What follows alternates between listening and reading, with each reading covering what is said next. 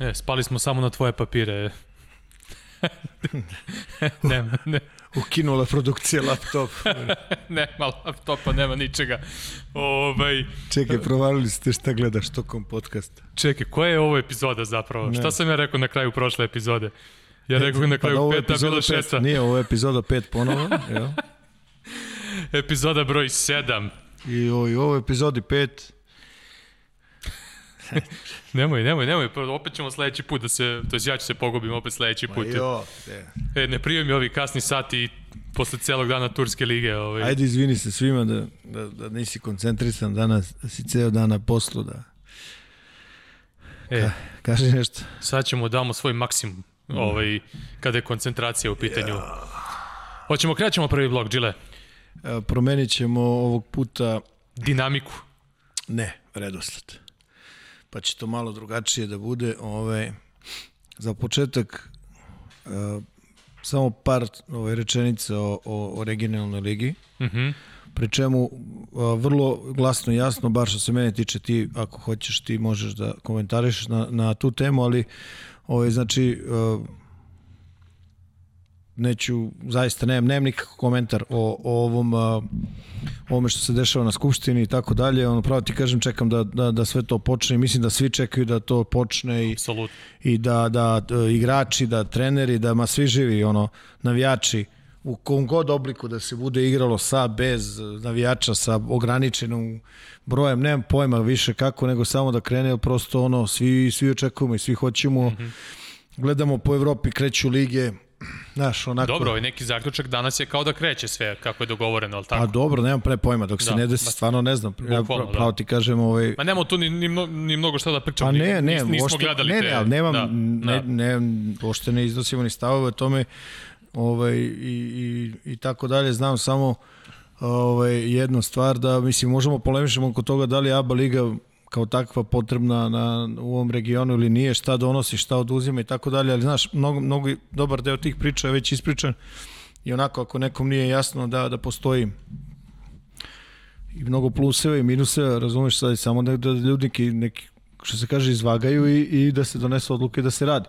Ali je generalno, naš onako, verovatno ima više ovaj benefita nego ovaj problema, ajde tako kažem, koje, koje donosi. A svega toga ne bi bilo da se počinje u decembru, ko što ja stalno pričam. Bukvalno je. Ovaj, e, počinje Evrokup i Evroliga naredne nedelje, Da. bar se nadamo da počinje, trebalo bi. Ovaj, tako da najavimo odmah našim e, gledalcima i slušalcima da polako naš fokus Uvijek prebacujemo zaboravim to slušalcima, izvinjavam se, Da. stvarno ljudi. Ovaj prebacujemo fokus polako na na na evropsku košarku, na Evroligu, Evrokup i a, da kažemo lokalna takmičenja. Ovaj već danas ćemo polako e, vezano kada je današnji gost u pitanju malo ćemo više da da kažemo tu bacimo akcenat na, na, na nešto što se tiče evropske košarke, a onda od sledeće nedelje krećemo polako sa predstavljanjima timova Pa- Partizana, Zvezde, CDVita Olimpije, Mornara, da. Ovih učesnika Da, u, u, budućnosti. u evropskim kupovima, bez obzira na organizaciju koja ih ovaj, organizuje, mislim, pod čim okriljem se to Da. igra, je li tako? Igo Keu, da ne zaboravim. Jeste. E, ovaj, mislim, generalno, predstavit ćemo te timove koji, koji ovaj, kako bih rekao, nastupaju u Evropi i ovaj, možda malo drugačije nego što su ljudi ono, ovaj, navikli, ali on, mislim da su o, o, oni koji gledaju i koji slušaju ovo, mislim da su i shvatili do sada da se mi nešto ne upuštamo u ono, ovaj, ko će, kako će, znaš, da se nešto tu daju nekakve prognoze i, i ovaj, i nemam pojma šta ove ocene e, malo bi će to da da ovaj malo će to biti onako ovaj drugačije ali da ono što si rekao eto sad već počinje nešto se dešava tako da će bukvalno jedan dobar deo emisije, u stvari svake epizode, već biti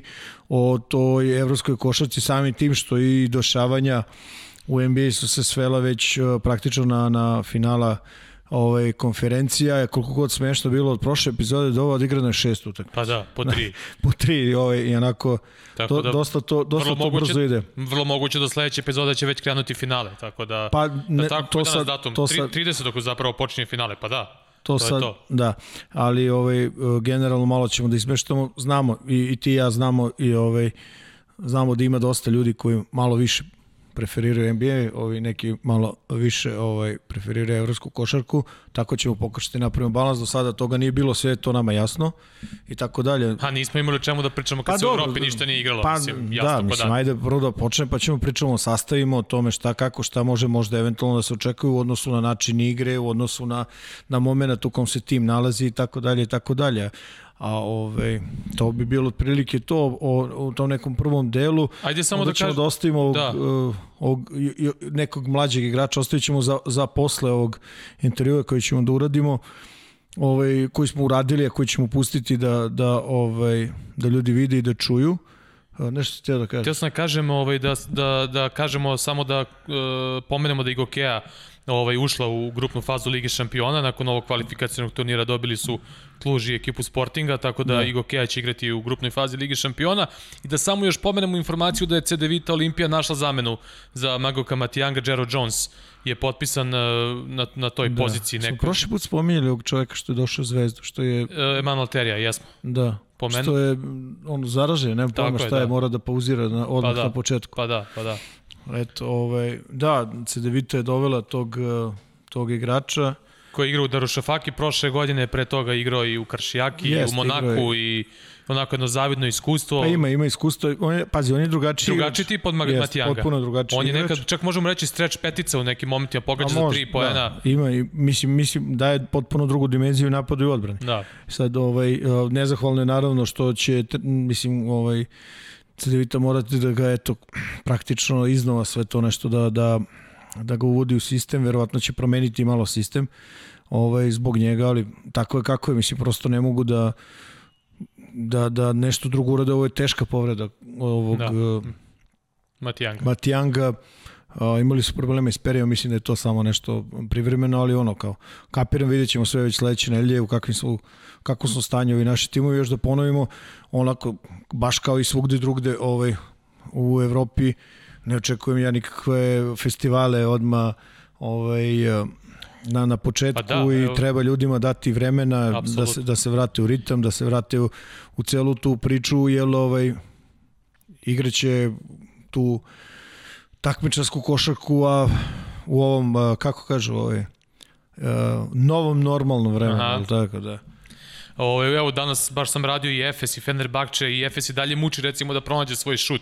Tim koji je igrao onakav napad prethodne dve godine, ovaj, e, potpuno logično i oni, kad se po njima vidi da još uvek ne mogu da nađe šut, jasno je kako će sve to ići za ostale. Dobro, e, čačnuli smo taj prvi blok e, kada je evropska košaka u pitanju, drugi blok sada je red za intervju. Pa da, Znači, naš gost je bio čovek za koga možemo da kažemo da je otac skautinga u Evropi, čovek to koji je je jedna, jedna, jedna od stavki. Jeste, jedna od stavki. Hteli smo, naš, seli smo i kako da nastavimo dalje sa tim nekim ovaj, gostima i, i Mauri- Mauricio Gerardini, trenutni ovaj, generalni menadžer ovaj, Fenerbahče je nekako bio a, logično rešenje iz prostog razloga što mislim da je zaslužio a, da ga predstavimo po znacima navoda ma, onima koji možda nešto ovaj, a, manje prate ta neka košarkaška ovaj Ili da kažemo neke, ili, neke stvari malo dalje od terena. da ili tako ono što da, pa eto pravo si da, da da nešto malo kao van terena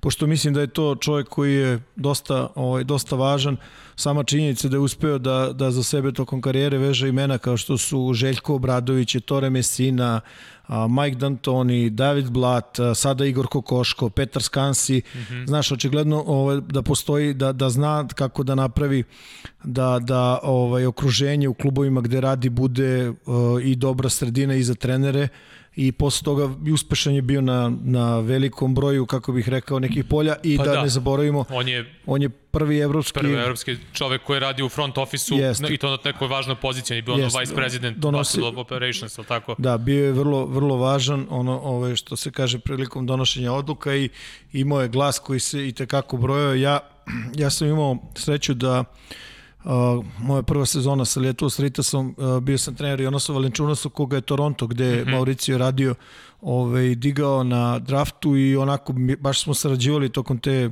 tokom tih godinu dana i ovaj, dok je Jonas bio tu i stvarno ja mislim to je onako jasno ti je odmah iz prvog nekih kontakata, ja sam ga znao od ranije i tako sve, ovo je nešto, o, nismo sarađivali, ono što se kaže direktno, posle toga prosto ti postane jasno zašto je i kako sve to što je uradio u životu ovaj, kako se to baš desilo baš njemu. I definitivno mislim on čovjek će vidjet će ovaj, gledalci, slušalci ovaj, on, on malo to onako naravno da ne žele se ne znam, hvali, ne znam da li to pravi izraz ali prosto ovaj, uh, on shvata i s jednim delom da je bio stvarno na pravom mestu u pravo vreme, ali istine radi. Ovaj, I on je dosta kreirao da. da, da mu se sve to kako bih rekao, izdešava. Ti si rekao da je otac evropskog skautinga, jeste, to je ovaj, takođe stvara, stvaralac onog ovaj čuvenog uh, Benetona. Benetona, da, koga su mnogi ljudi na ovim prostorima obožavali, ne samo zato što je Željko bio trener ili što je Rebrača igrao, da. nego zato što su imali sjajnih igrača, Tonija Kukoča, pominjao sam pa sve je nekako s njima Henry bilo u redu, što se da, kaže. sve je bilo super, ono kad I, na hala, Pala Verde, onaj parket ko Boston Celtics i, i, i sve ove, ostalo, uvek su imali tu neku, tu neku dušu. A ove, ove poslednje godine, njegov, mislim, posao na kome je sada, ovaj, sarađuje sa Željkom Obradovićem, u kome čućete i sami šta govori, čućete šta priča o Igoru, što je da. onako eto, ajde da ne prepričamo, nego da, da ljudi saslušaju.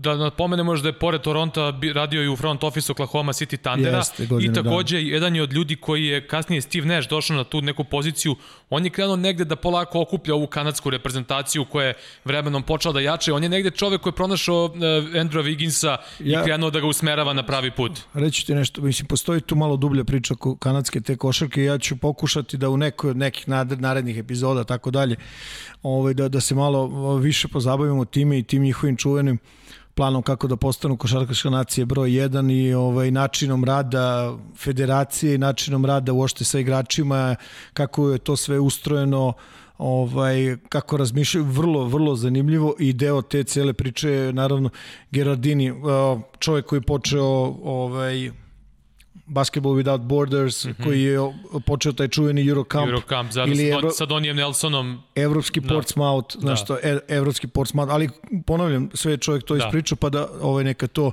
vide ljudi, neka čuju i ovaj i vide Ajde. ono direktno od uh, Mauricio. Ajde, Roko, puštaj uh, Mauricio Gerardini, Mr. Uh, Mr. Uh, GM, da tako kažem. Da. Okay. Mauricio, thanks -hmm. for uh, accepting our invitation. And that means a lot to us because you know for us and we'll talk about it in in this in this call it interior as you like uh, we believe both of us we believe that you're one of the most important basketball persons in uh, in the last 30 years. Can i say that? Father of european scouting Even your name sounds sounds right, man. You're Gerardini Maurizio, meaning GM. Yeah, right. so, so like when you Google GM European basketball, it's your picture right there on the top. Welcome, Maurizio. How are you? Thank you. Thank you for having me. No, things are good. Just um, you know, getting ready for the start of the season. You know, we're we're gonna start the Turkish league on on Saturday, so tomorrow, and. Uh, and again, we just hope that uh, we go through the season. You know, that's the main goal. You know, whether it's the Turkish league or the Euro League, we want to play basketball. You know, that's uh, that that is becoming, uh, let's say, uh, a much felt need. You know, to finally play some uh, some real competition, even if the atmosphere is going to be very awkward, is going to be different. You know, yes, it's. I mean, we on the other hand, we need to get used to it, you know, and and hope uh, for better times as the season progresses, you know. But right now, it is what it is, and we must be ready to to to start playing, you know. Uh, media already have a new term, new normal.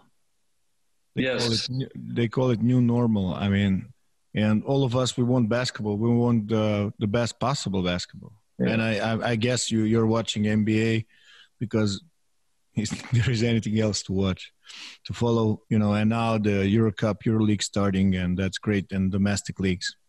But let me start. I will go back a little bit.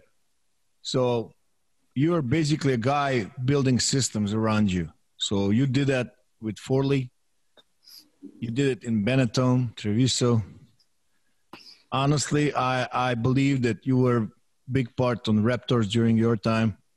And now I believe that you're a very important part of Fenerbahce organization. Don't forget the Canadian national team And also. that's that's uh, that's That's the other question. That's a dessert. Come on. so, tell us how it started. How we started getting involved in all this? Yeah, yeah, Well, you know, I think uh, sometimes in life, as we all know, it's a matter of uh, uh, opportunities, timing, and beside what is the passion, you know, that drives you to to try to live, you know, your love for the game or your love for whatever you like in life. And uh, I think I somehow I was very very lucky because. Um, uh, you know, it started from uh, deciding to uh, accept, a, you know, the challenge of try to win a, a scholarship to go to the states, and and uh, and then uh, and at the end of the process, winning this scholarship because my family was a was a poor family, and uh, but going to the states at, at that time, we're talking about 50 years ago, was uh, was not that simple. But it gave me a tool, the the, the English knowledge that uh, it was extremely important to have once I came back to Italy, you know, and uh, that was the the first important step because, uh, as I said, coincidence. At the same time, the team, my hometown team for Lee, was picked up by the federation as one of the first teams to form the A2. And uh, that was the beginning of A2. And, and the question was, not, and now, how are we going to get the American player because the foreign player because there was only one Yeah, yeah, foreigner allowed allowed it. and uh, and the question was who's going to do it how we're going to do it and someone told someone i'll say do you know there is one guy who just came back from high school in the us he speaks english he can help us and he's a you know he's a basketball let's say low level player but he's in love with basketball he's yeah, he, maybe he can give us a hand.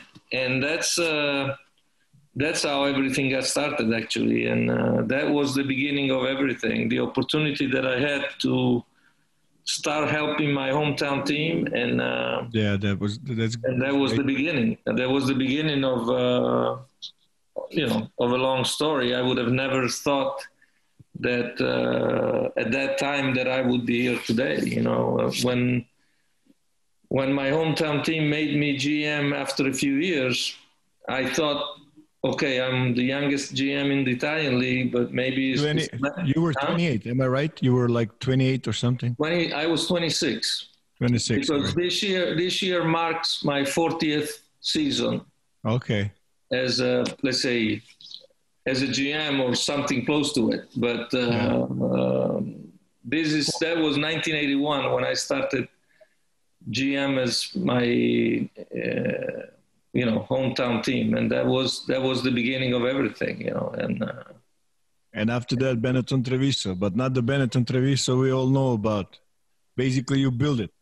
Well, you know, I I was blessed by the opportunity, but also by the fact to have something that I thought very very few situations in Europe had, which is an incredible support from an ownership group from the Benetton family on one hand, Yep. and a, a sports structure that at the time no one had in Europe because there was no place such La Girada anywhere in Europe. Now you can, now you have a few amazing places because, uh, you know, the facility in Madrid or in Valencia or yeah, or yeah. Villeurbanne or whatever. You know, they're great places, but at that time, there was no place like the like La Guirada. And Yeah, uh, probably the only place in Europe. yes, I would say as I that. know. I would Yeah, say as that. far as. I know. Like a basketball facility, that was the first one. Yes, and that was, uh, you know, basically my job was just to, you know, try to use it the best possible way, and that, and that was outside. Let's say the managing a club was also trying to create and manage events that could have made Girada as a visiting card of the, you know, Benetton club, and try to you know, uh, have the rest of the basketball community focusing on Treviso and us uh, somehow having an unbelievable recruiting, you know, tool to try to go after the young talent that we wanted Yeah. to go after to to try to build what you said before, you know, different chemistry, different, uh, you know, groups that could have uh, could have been successful. You know, so Yeah, but Mauricio, if we want to be honest, at the same time you're managing the team, you're starting to create uh, the first and probably the, the the most important network in uh, in Europe. Today we call it scouting. Back in the days, it was getting informations, getting know people, connecting people, you know, collecting information about players, different levels, different backgrounds. Because I know because you know I was uh, I was fully aware what's going on in in in, in Treviso, and I was like, yeah, that's that's what we need basically, and that's great for that club. At the same time, now you're talking about, and I will say it loud, now you're talking about um, the camp that you have for the young players that you started. After that, uh, it was uh, Eurocamp. Eurocamp. yeah, Eurocamp, Treviso. yeah, Mhm. Eurocamp in Treviso. So like, so many things that you actually started in Europe. I understand you were, you you like to use the word lucky, but I'm not sure it's pure luck. Um, again, um, having a, a, the scenario that I describe you, you know, in terms of ownership group and, and facilities helps a lot uh, developing ideas. Then, uh, if you are lucky enough to have, you know, good network of you know people who have ideas or can share ideas, that makes things easier. You know, I remember for example, when uh, uh, sitting down with Donnie Nelson, we start talking at, you know, about uh, what uh, Pete Newell was doing uh, at, at, you know, at the Hawaii's in terms of the, you know, the big man camp and Yeah, invitational camp. yes, and we and we and we we start talking. Hey, you know, why why don't we try to put something like this together? And uh, and and at Pete Newell's camp, the the number one, let's say, guy on the court demonstrating and building the players at that time was Kiki Van der Weck, and. Uh, and I would have never thought that when we contact Kiki, Kiki would have said, "Hey, I'm coming to Treviso and help you out." And uh, and I remember, you know, the first time we ran a big man camp, everybody wanted to come. We had no room for enough. We never seen so many bigs in a small town like Treviso. You know, everybody wanted to be on the court and learn uh, and learn, you know, uh, how to, you know, improve some some skills. And it was one one. Uh, I think. Good sharing, good ideas. Eurocamp came as a consequence of, of the big man camp, just trying to, um, you know, work on every position, not just on, on the bigs, make it open to everybody, but at the same time, create the best um, exposure, Exposure, uh, yes. uh, for everybody because in a very natural way, it turned it turned into an event that uh, was bringing together all the NBA clubs, all the you know the GMs in Europe, all the agents, all the media guys. I mean, it became uh, like a, a starting point of the new season somehow because it also affected the draft process and Absolutely. you know it's um, something European that I think, Portsmouth. huh? It was like a European Portsmouth. Yes, exactly. And I think it's something that I don't want to say Treviso. I'm saying it's something that right now basketball is missing in general. Absolutely. okay, forget about the COVID 19, let's say, emergency picture, but under normal circumstances, I think uh, international basketball needs this kind of, uh, of exposure, you know. I have to say that sometimes people don't, don't even remember this, but uh, we also got Basketball Without Borders started in Treviso. And the first four editions of Basketball Without Borders was in Treviso. Come on, that's and, next uh, question. And, uh, and again, even that kind of event has developed into a pretty unique event. You know, now it's an NBA branded event everywhere, in, you know, in the four, dif- four and five different continents. Continents. But, but everything got started in Treviso. So, you know, it's a, um, it's a nice feeling looking back because um, you, you realize also the, the network, you know, all the people that came through Treviso, all the people that worked in Treviso at the camp, uh, whether it was, uh, sometimes I see beautiful success stories that uh, are full, you know, are, you know, uh, today's medias are full of these stories. And, and I remember, you know, the early times, you know, when they were relatively unknown, you know, I mean, last year I, because again, as a former Raptor, I I fully enjoy the the NBA title, but uh, I remember a young Masai Ujiri uh, stepping in at the first edition of the Eurocamp, looking for you know uh, contacts to start his amazing career. Just like uh, yeah. just like I remember. hello. Yeah, and, and just like I remember Nick Nurse asking to be an assistant coach on, on, on the camp staff, you know, but then that's the, that's the beauty, beauty of a, of a story, you know, and, uh, and there are, there are some of these stories that have been, uh, that have been unbelievable. And, uh, and, uh, and it's great to look back and to enjoy, you know, some other people's success as well, you know, so. Is there any chance for Eurocamp to work again? There was some rumors it will happen, but I don't know. No, it it's, it's something right now it's totally, let's say, out of uh, picture. Uh, totally to be seen in the future, but it's there is no conversation going on, nothing that can be planned in a realistic way. I, I think. Uh, I think uh, something can be eventually thought of only when this uh, COVID 19 emergency yeah. is over. Before that, it, it, would only be speculation and nothing else. Uh, definitely, we need it. And I hope that if it's not Treviso, there are other places in Europe that can come up and say, we want this kind of event because, uh, because it's, it's very important. It's very important to grow also internationally, you know, so we'll see. Speaking about uh, Benetton Treviso uh, and scouting back then and today, can you compare compare scouting uh, back then? Uh, you you had a lot of interesting signings. I don't know from NBA, Vinny Del Negro, Terry Teagle, Orlando Woolridge, uh, and after that you signed I don't know Željko Rebrača, Henry Williams, and also you had some great rookies like I don't know Glenn Secunda, Jeff Shepard. Can you compare scouting and players back then and today? Well, um, you know, if you if you look at uh, four decades, you can imagine. Uh, how much the business of basketball has changed and how much scouting has changed. At the end of the day, I told you my, my first step. I was brought in potentially as, as a scout in the sense that they needed to find someone who could get the first American player.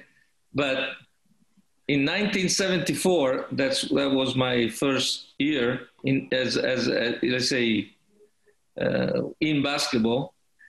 Uh, you had no fax, no cell phone, no computer, no nothing. The only thing you had was a, a phone on the wall where you could dial 170 to get the intercontinental line and wait three to five hours to get the call back. And, and, a, and a telex machine with a yellow stripe coming out.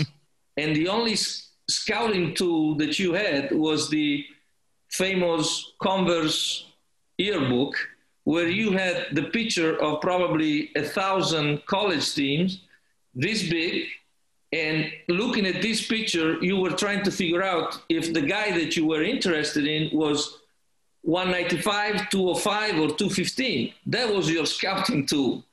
so you can imagine how this whole, this whole process has dramatically changed through the years. Um, even the 20 years ago, you know, when you mentioned the players that you mentioned, um, scouting. I forgot, I forgot Toni Kukoc.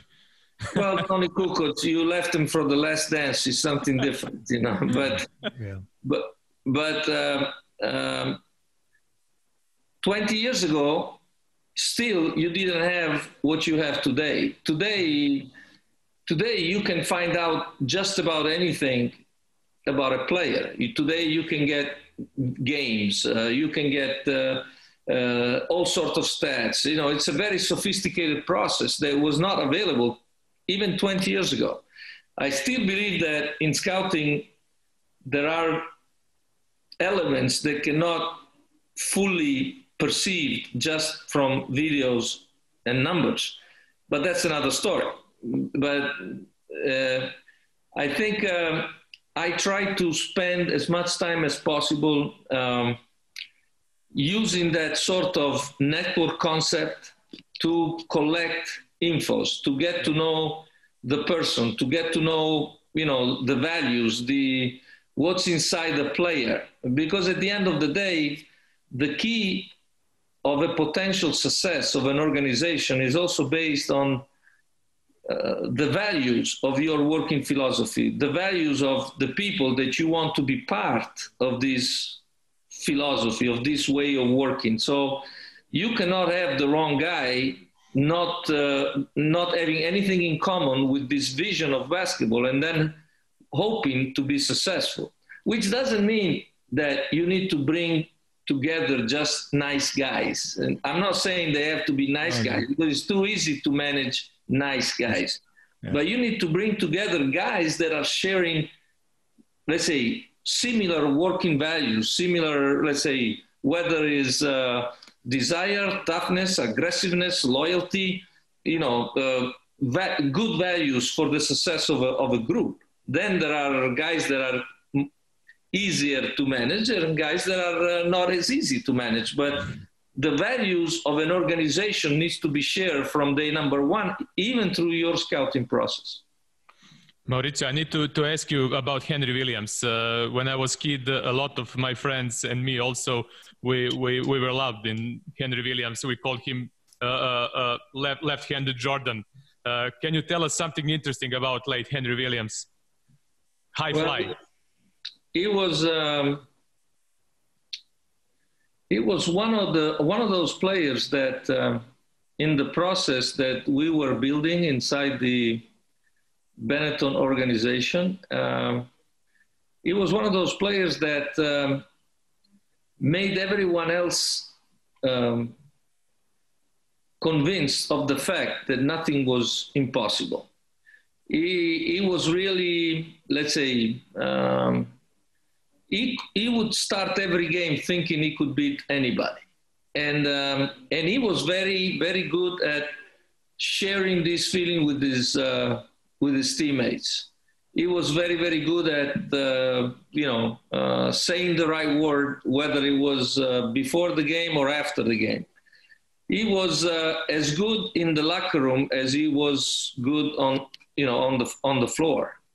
Uh, maybe that was uh, also how he reflected afterwards in, in his life, you know, because, you know, he became the voice of a church and, yeah. uh, and was, you know, but uh, he was really good at communicating. Uh, let's say outside of his shooting abilities or the way that he was doing anything on the court, but he was a very, very special, special teammate. That's for sure. Yeah, but Mauricio, somehow you managed to keep him and uh, together for how long? I think like uh, four years or something like that. Yeah, I, now you know now I'm getting old, so I don't know how many years for sure, but at least two. I don't know if it's uh, Rebraca stay four, but I don't I don't know if it was the same four uh, years me, as Henry. Me neither, but I know that they played it for a long time. And basically, my question is: you, you feel that having those high value players uh, playing together for a long period is it possible in today's basketball? Is it is it is it one of the the you know cornerstones of a successful? Well, um, we had uh, this conversation, let's say, not too long ago. Um, probably going to the question that I was just being asked. Uh, today, I think, is much more difficult to find what you, Alex, would describe as foundation players. Uh, today, um, it's not easy to find pieces that can last on, in an organization for so long and become and become like pillars of this organization.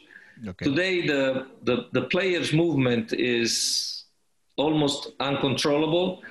Today, sometimes, you know, the uh, the definition of a group changes so much from one season to another.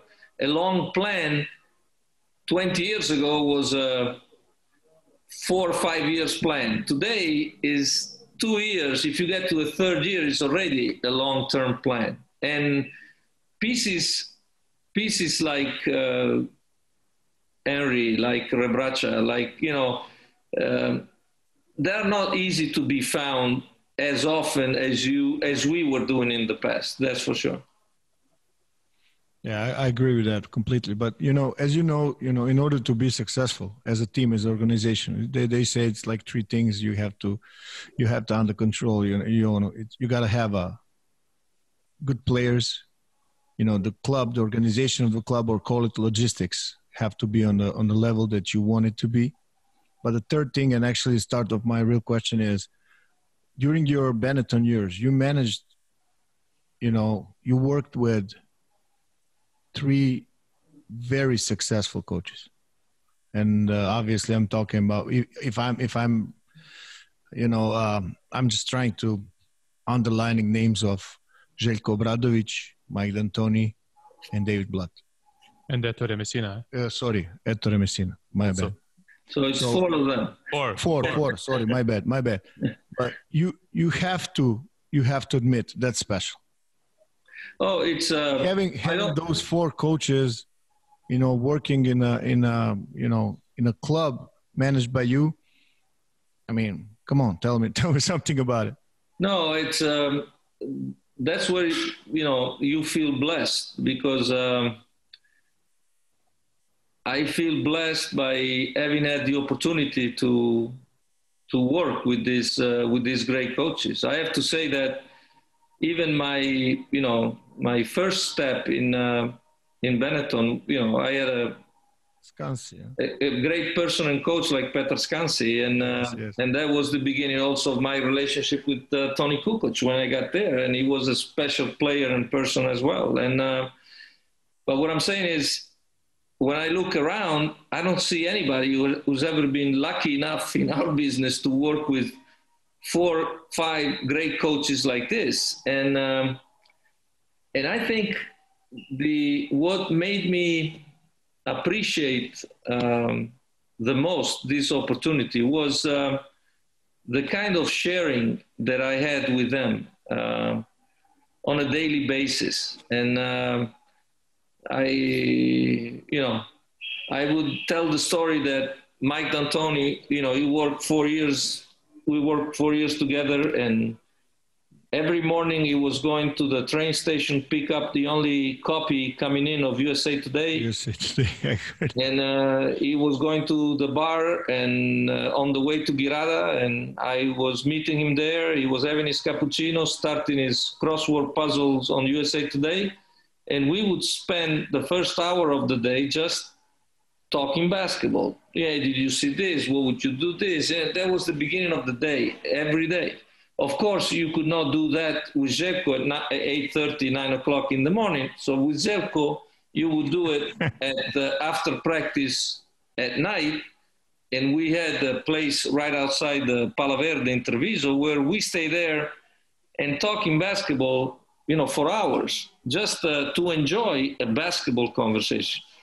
The, the, the sharing that, uh, in my case, a, a, GM can have with his own head coach in situation like this is, is extremely important because uh, because this is how you make a, a group, a, a, winning group. I mean, Ettore Messina is, you know, is is also, you know, an amazing person. David Blatt, uh, David Blatt is uh, uh, is one of the most creative minds I ever had to deal with. Uh, you know, his his brain was always going too fast. Uh, you know, thinking ideas, options, and this and this, and and the sharing was was unbelievable. And um, again, this is what makes a group, a winning group, when you have this sort of foundation, this sort of sharing between GM and coaches. In my case, I know I've been lucky because I had these uh, coaches, then the NBA, but then I came back with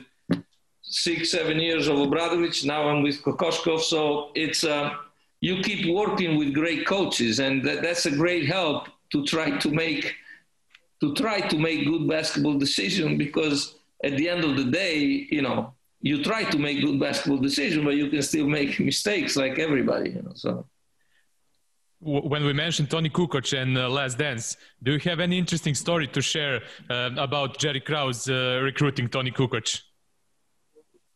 Well, again, their their recruiting was very very persistent. You know, they were really pressing uh, Tony in any in any possible way, and um, um, I remember uh, even during the season, one day that Coach Kansi, Petar came and said, Hey, I want you to talk to Tony because it seems like he's feeling this sort of, uh, of pressure, you know?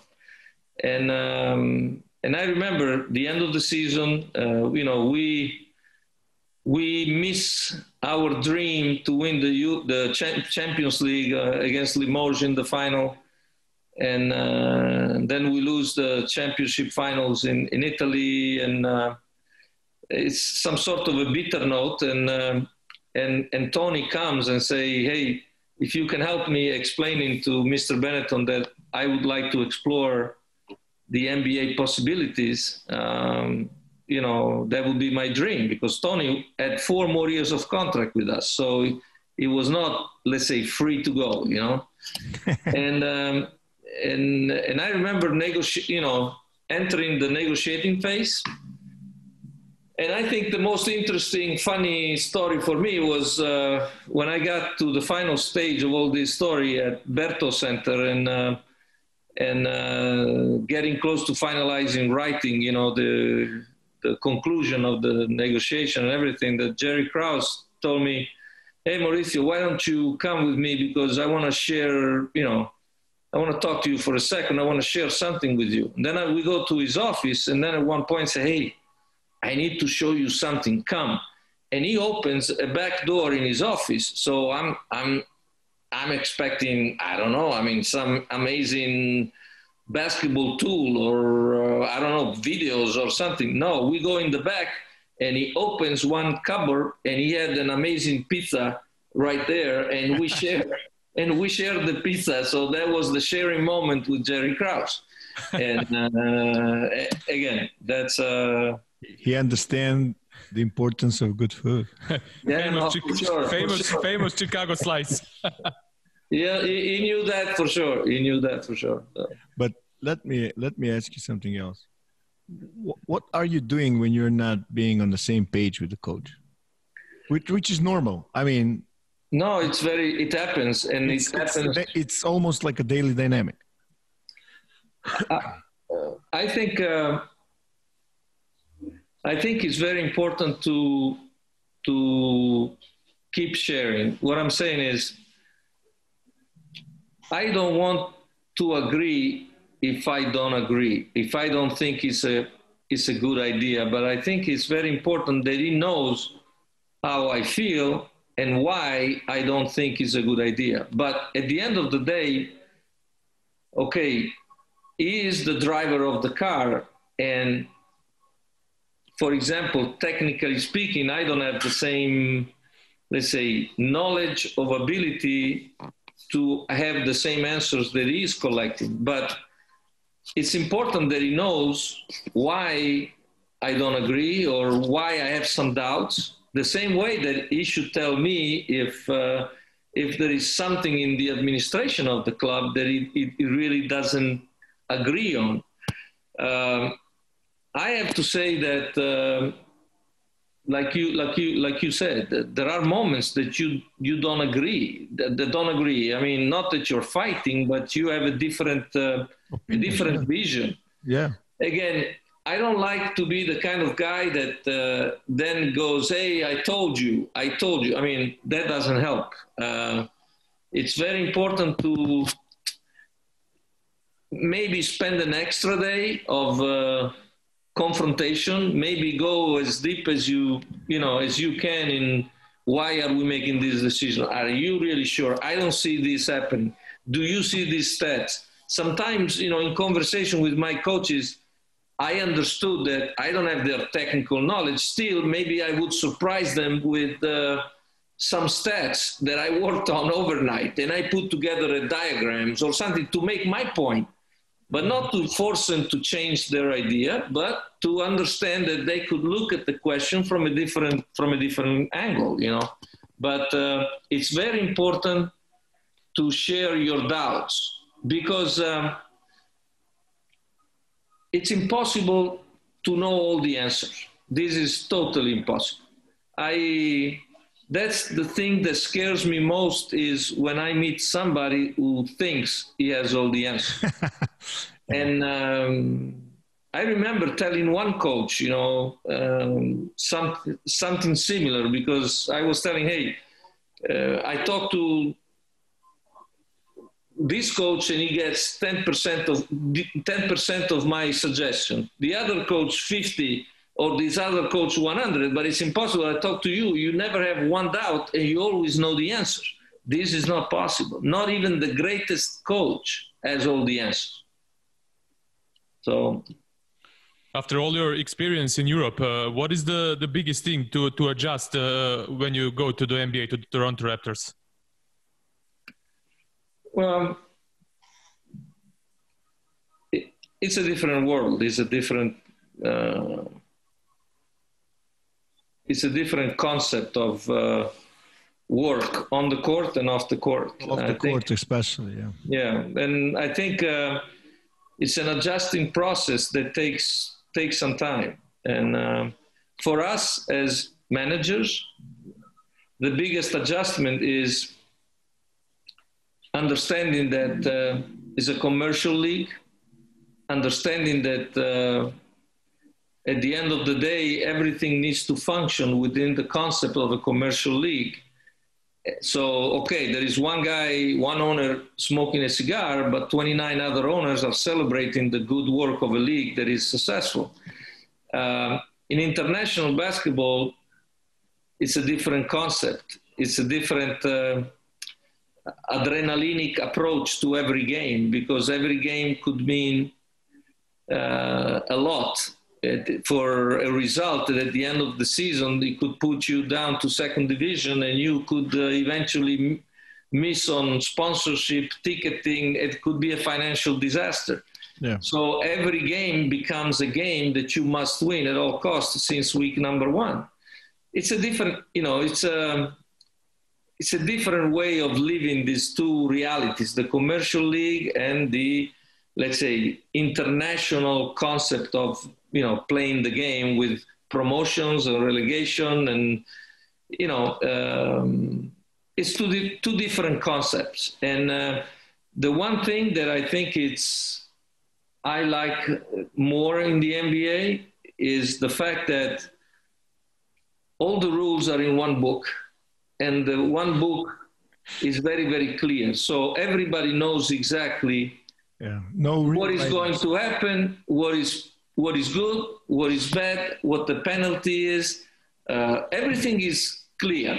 There are no compromises. Everything, whoever wants to play the game knows that these are the rules. Yeah, follow the rules. Follow the rules. In, in, in international basketball, I don't want to say European level or domestic league level, eh?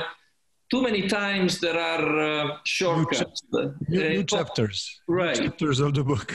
and compromises and everything. So that's, uh, that's something that, if possible, I would love to have this same book of rules that I had on my table in Toronto. And I, and I, and I said, every, the success of an organization is having a book, I mean, having rules that are very, very clear and, and are not open to any sort of interpretation.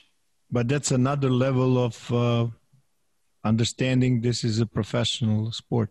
Am I right? Yes. No, it's a different, different. It's a different concept. You you have been in the NBA. You know how different. Uh, you know the.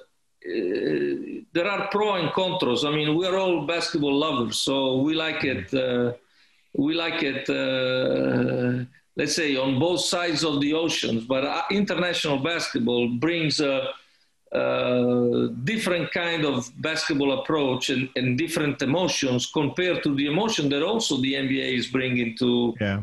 to to the game. But in terms of let's say the business of basketball, how the basketball organization is run, it's almost impossible to to make a confrontation because the dimensions are just uncomparable. The dimension of uh, you know, you're talking about uh, franchises that are valued average now two billion dollars. Two billion dollars, yeah. Yeah, you know, I mean, how can you make comparison? You're talking about uh, an operational staff, not just the technical part of uh, 200 people. 200. You're talking about 20,000 people, 44, 40, 44, 41 games every, you know, every season. I mean, it's a, it's a different, different size of operation, different, you know, different business. But that doesn't mean that uh, we don't have our, let's say, enjoyment by living on this side of the ocean and going through the emotion of international basketball and and trying to make our basketball as as as attractive as possible because uh, that's what we're trying to do. We want uh, EuroLeague to become you know better and better. We want our domestic leagues to become more and more attractive. It's uh, because we're basketball lovers. Very very yeah. simple. But we we would agree, you know, on question about which approach is uh, healthier. But we'll leave that for another times. Let me ask. Yeah, let me ask you. You mentioned EuroLeague. So, what is the next step for EuroLeague? Is this the system that is the best possible? I'm not talking about Corona. I'm not talking about this situation. I'm talking about the number of uh, teams, the number of games, the system. Well, you know, uh, still having a Final Four, meaning that I think, uh, um, the whole season it, comes to end to, in two games. I think it's a still ongoing process that um, now the COVID 19 for sure has made it more complicated. Um, one thing is very, very clear is, you know, EuroLeague is growing. EuroLeague is, uh, EuroLeague uh, numbers are getting bigger and bigger. So that, that says that EuroLeague is a, is a good basketball uh, uh project. Um, the only thing that I, that I, that I, that I believe is uh, to be considered, in my opinion, is if we want to have a real, let's say, even more success and more of, of, of, of a concrete future, we need to understand that it's very, very important to make our business of basketball much more sustainable than what it is today. What I'm saying is clubs needs needs to work very very hard to make basketball a more sustainable organization. Every competition we play in general. Because um, that's i think um, something that we need to take from the commercial league example which is you know our reality, our basketball realities cannot be just realities because one person wakes up one morning and decide to give you 10 million euros. Spend money, yeah.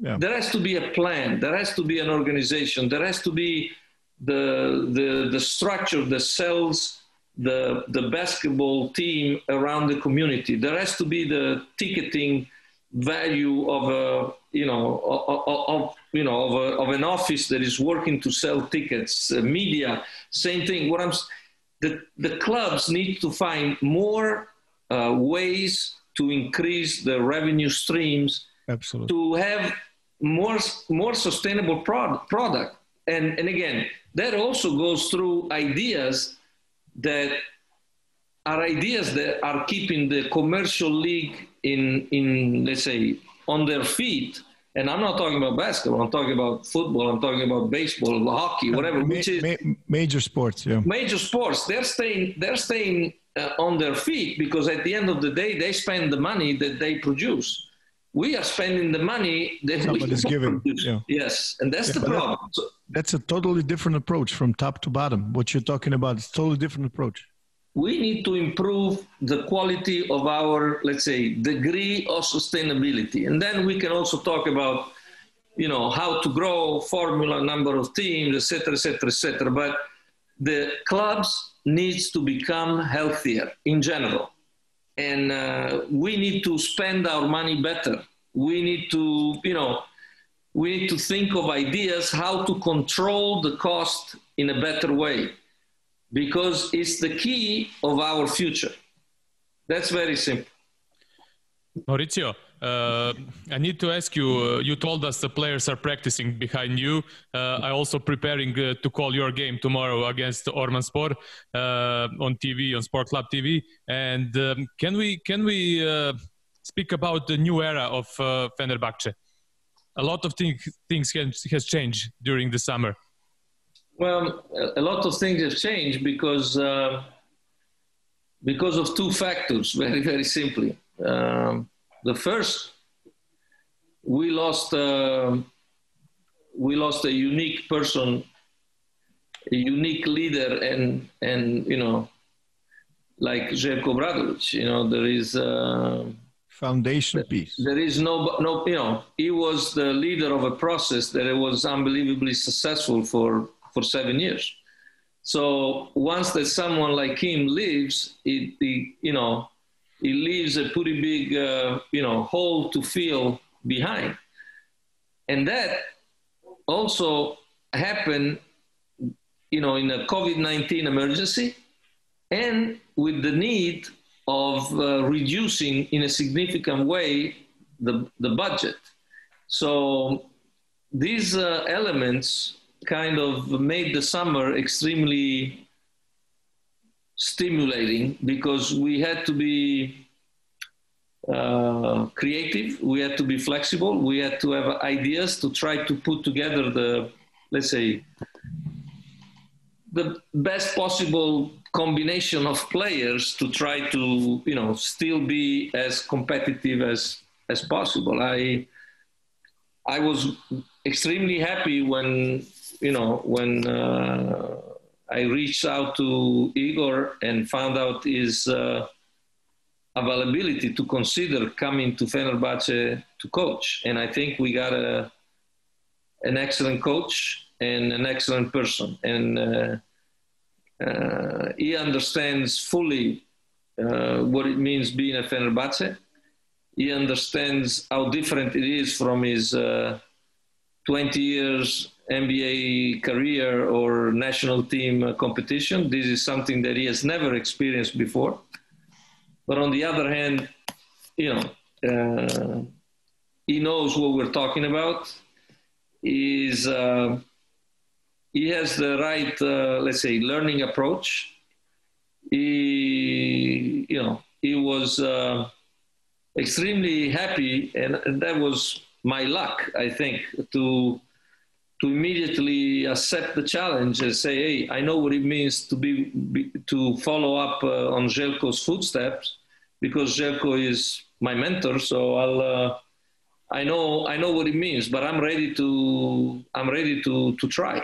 And uh, so we feel that first uh, answer, and then um, working at the most incredible nights because he was inside the bubble and I and and again I was in Istanbul. We tried to share, connect on ideas, on proposals, and and at the end we brought in uh, you know six seven new players that have basically changed the the picture of the team. And unfortunately, when you had to reduce the salary in a significant way, you you took in account that we were going to lose some foundation pieces like the Thomas, Lucas, Kalinic but on the other hand, that was the only way to match all the different needs. Uh, and, uh, and again, we are happy of the group that we have put together. We understand that uh, people are not going to look at us as, hey, you are a Final Four contender.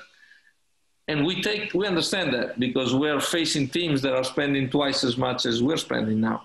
But, uh, but we know that we can be competitive in every game we know that uh, it would be ideal. Our goal would be to fight for that eighth spot in the playoff. That would be our goal for the season.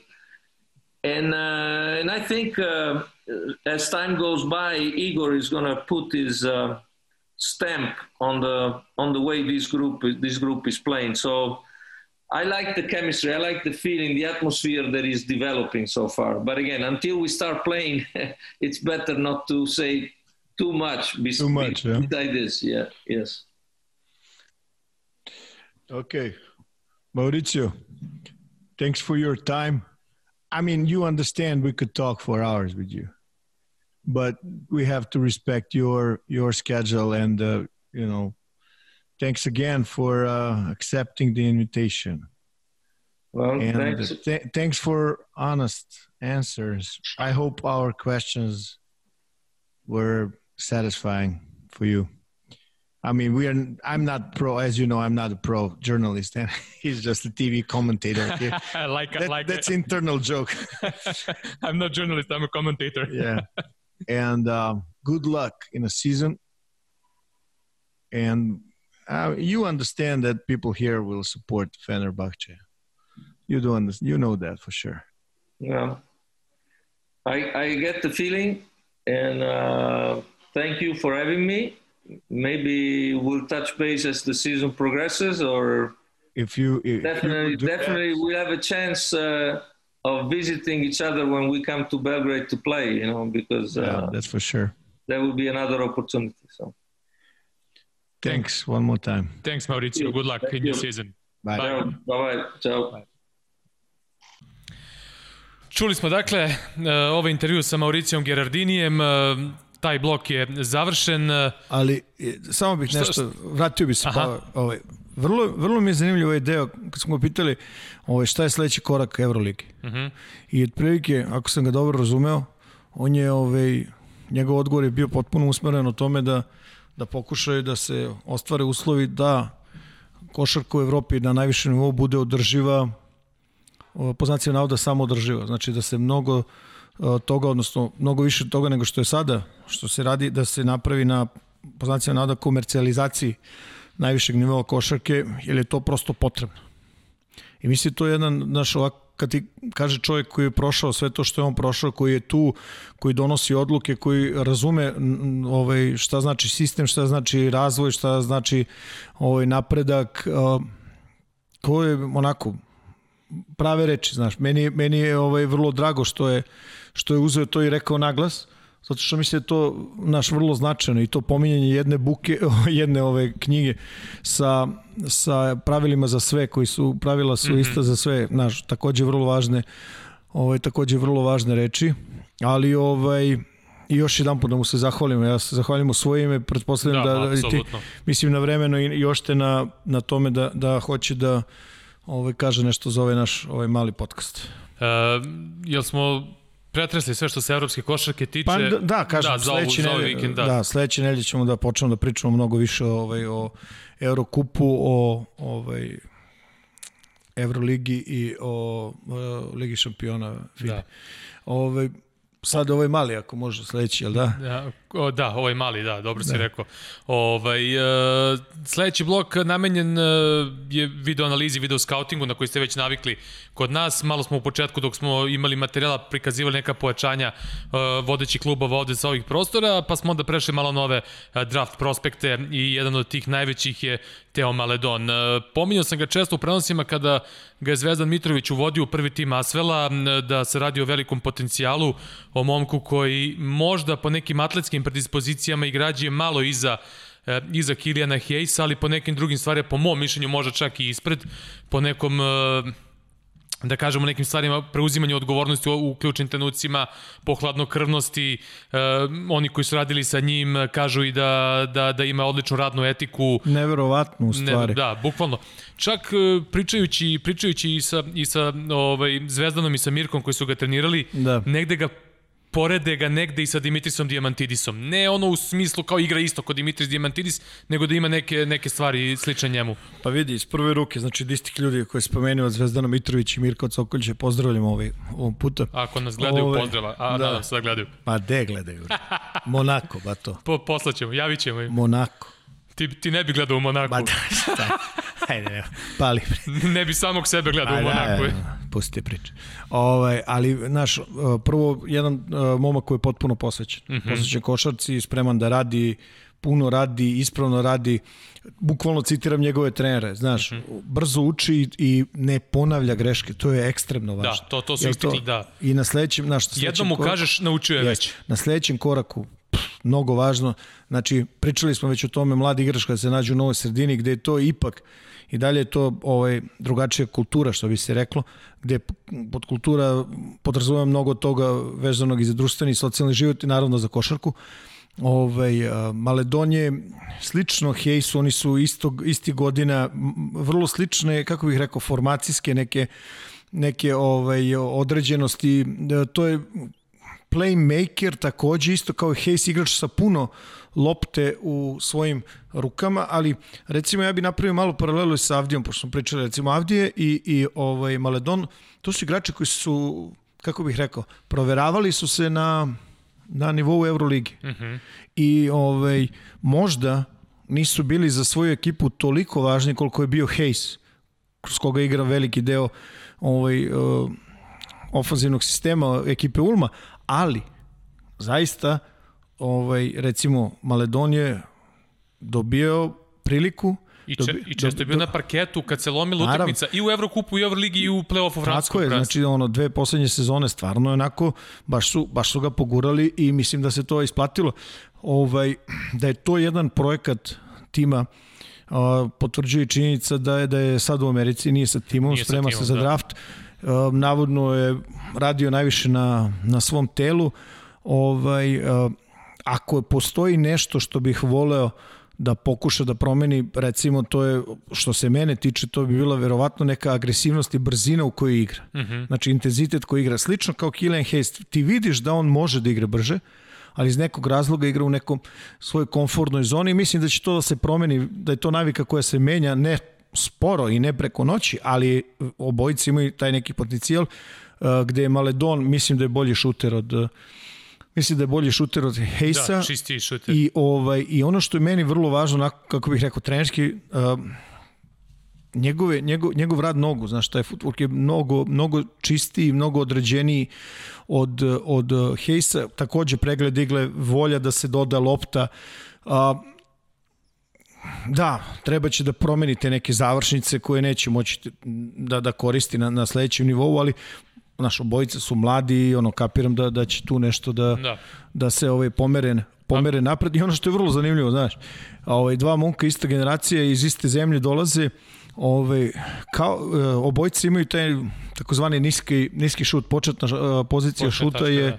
je početna tačka šuta je ovaj uh, dosta nisko i vidjet ćemo neke sličnosti i obučenosti prilikom ove igre u pick and rollu i tako dalje. Evo ne pogledaju ljudi, da. pa, Ver, pa nek Verujem da i Tony Parker dosta učestvovao ovaj, u nekim savetima i to Ovaj, tako da sigurno da imao i, i još jednog dobrog savjetnika. Ovaj, pravo, pravo da ti kažem, ne znam, ali ti pa, verovatno znaš bolje. Pa ne, nego pretpostavljam. Da. Pretpostavljam da, mislim, ipak im je projekat. Pa jeste. Zaradit će na njemu, mislim. Hoće. Ovaj, Nije, a, nije ovaj to klasični onaj kod njih tamo sportski sektor i ono drugo. Mislim da je predsednik u sportskom sektoru. da, I mislim nešto da se razume u košarku, valjda, je li tako? da, pa je. Igro je nešto. Nešto na nekom je, nivou. Jeste. Imao je nekih rezultata. Ajde, pusti. Ajmo da gledamo Teja Maledona. Ista će priča da bude, znači polako malo nešto ovaj prvo kontranapada otvorenog terena, isti onaj način na koji sklapamo klipove već od, od samog početka, vrlo brzo uz teren od koša do koša, agresivno, ako može da se završi, ide se do kraja, ako ne, gledat će se sledeći najbolji potez, a to je traženje traženje dodavača, ovo izvinjavam se, traženje sa igrača, prvo na zicaru, pa onda na spoljnim, na spoljnim pozicijama, baš kao i Hayes, vrlo, vrlo, ovaj, vrlo agresivan napada, pokušava da uvijek uđe sa, sa nogama u reket i posle toga traži, traži ovaj, sledeća, sledeće rešenje, što u principu takvi igrači ovaj, lakše se uklapaju na ove sredine, mislim, nesebični i, i, i spremni za, za, ovaj, za timsku za timsku košarku u napadu. O, ovde ono i dalje segmenti iz iz tog iz tog iz neke faze pre nego što je odbrana pre nego što je odbrana ovaj postavljena a, prodor, taj neki šut iz mesta. Ovo je recimo razlika između njega i Hesa. Vrlo dobro, evo, brate pažnju i u nastavku klipova i sa loptom i bez lopte. Rad nogu, ovaj, rad nogu prilikom šutiranja. Znači, pick and rollovi na početku, prodor do kraja.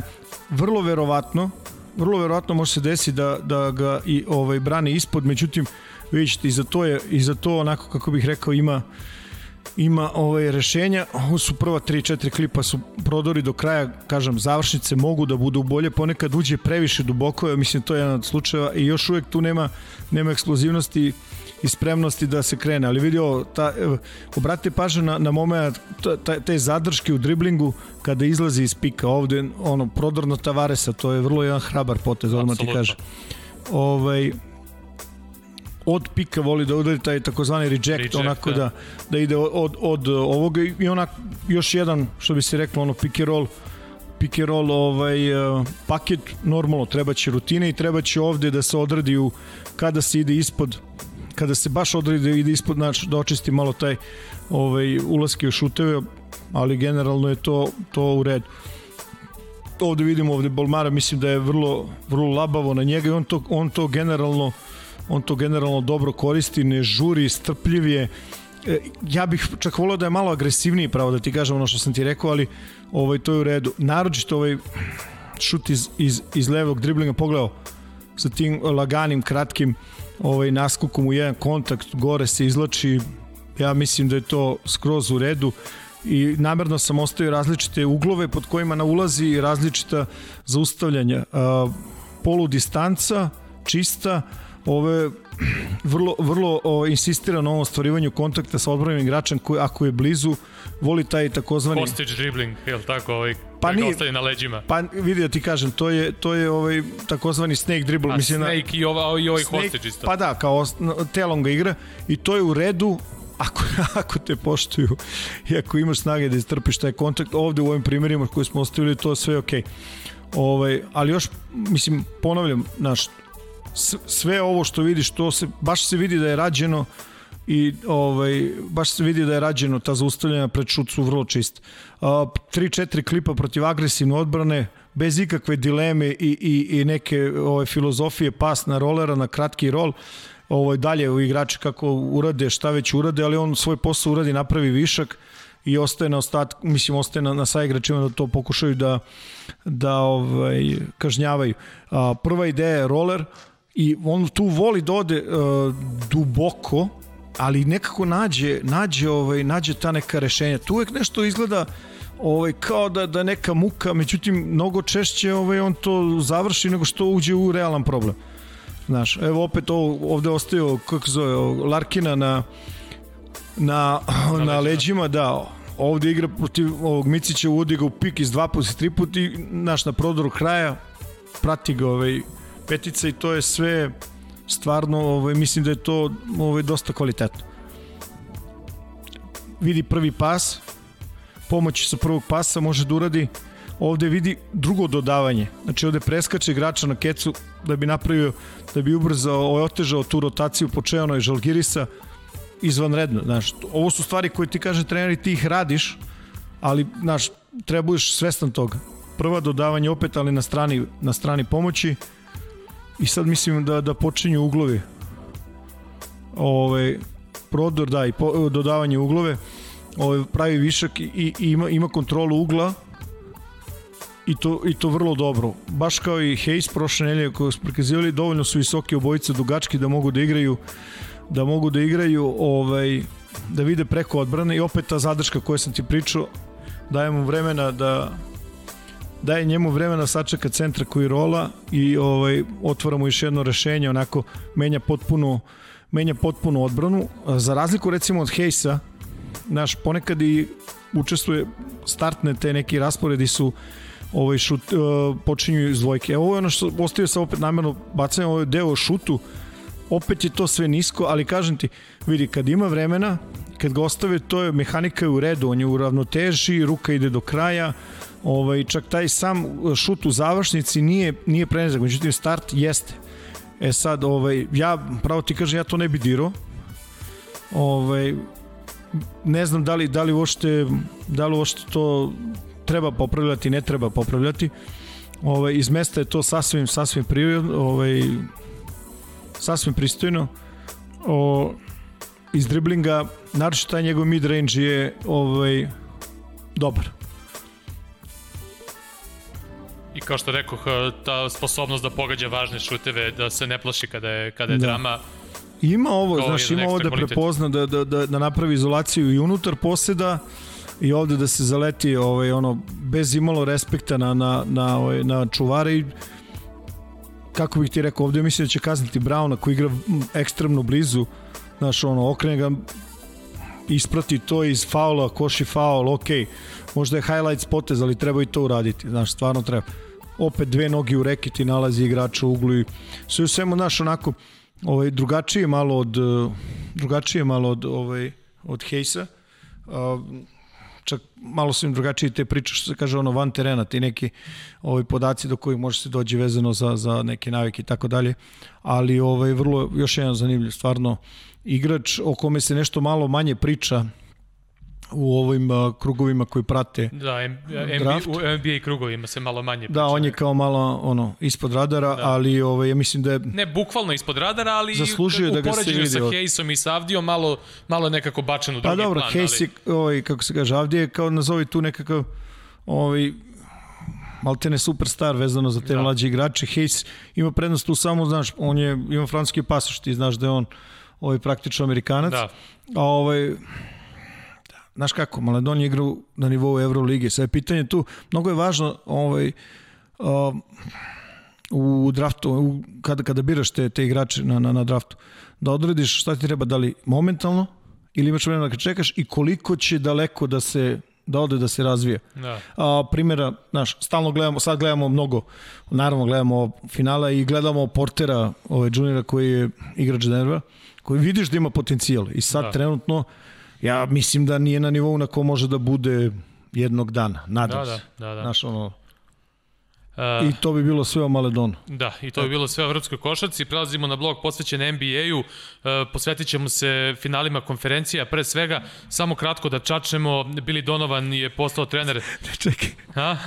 Gde si pokupio to čačnemo? A to je neki lokalni izraz, odmah ti kažem. Hajde čačni. A? Hajde čačni. Evo ga.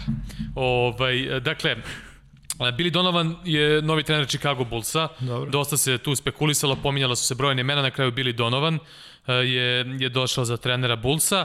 I da pomenemo samo da se šuška sve više i više za Majka D'Antonija, koga je i Mauricio spominjao, e, da bi mogao u Filadelfiju. E sad, na prvo ono, na, na prvi udarac, da kažeš, na prvu informaciju, razmisliš kao čekaj bre, Filadelfija nema personal za ono što on igra, on se nije baš ne, u nekim drugim timovima najbolje snašao u takvim situacijama, međutim, opet s druge strane stižu informacije da je Filadelfija možda čak spremna da traduje i da prilagođava tim uh, onome što igra Mike D'Antoni, pa čak su se pojavili informacije da hoće nekako da napadaju i da traduju za Jamesa Hardena, ali to su sve sad ono rekla, kazala, ali eto da, da spomenemo. da ti kažem, Do, dobro si ga ti čač. Da, da ti kažem nešto? Da, da, baš si ga dobro čač.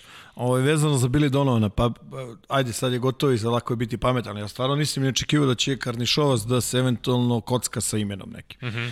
I onda priča ono kao Wes Ansel Jr. Je, ovo i ono.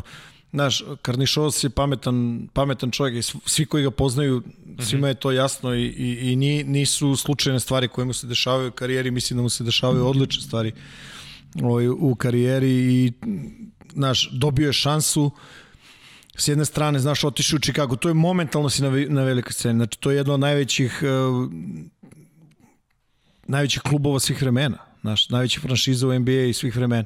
I oni zna se šta žele, žele da se vrate u neko, nazovi Jordanovo vreme i to stvarno nije lako. E sad, ovaj, za tomu treba trener koji može da pomogne igračima da se razvijaju, jer ja mislim da, da je Karnišovas je dosta uspeha imao sa, sa time kako je draftovao u Denveru i ovaj, mislim da će pokušati da je jedan deo uh, tog uh, ovaj, ponovnog dizanja Bulsa bude ovaj, zasnovano na tome da na draftu pametno ovaj odaberu. Ono ovaj, čega igrače koji mogu istovremeno ovaj, da, da budu deo nekih novih Bullsa, a i koji će vremenom postajati ovaj, sve bolji.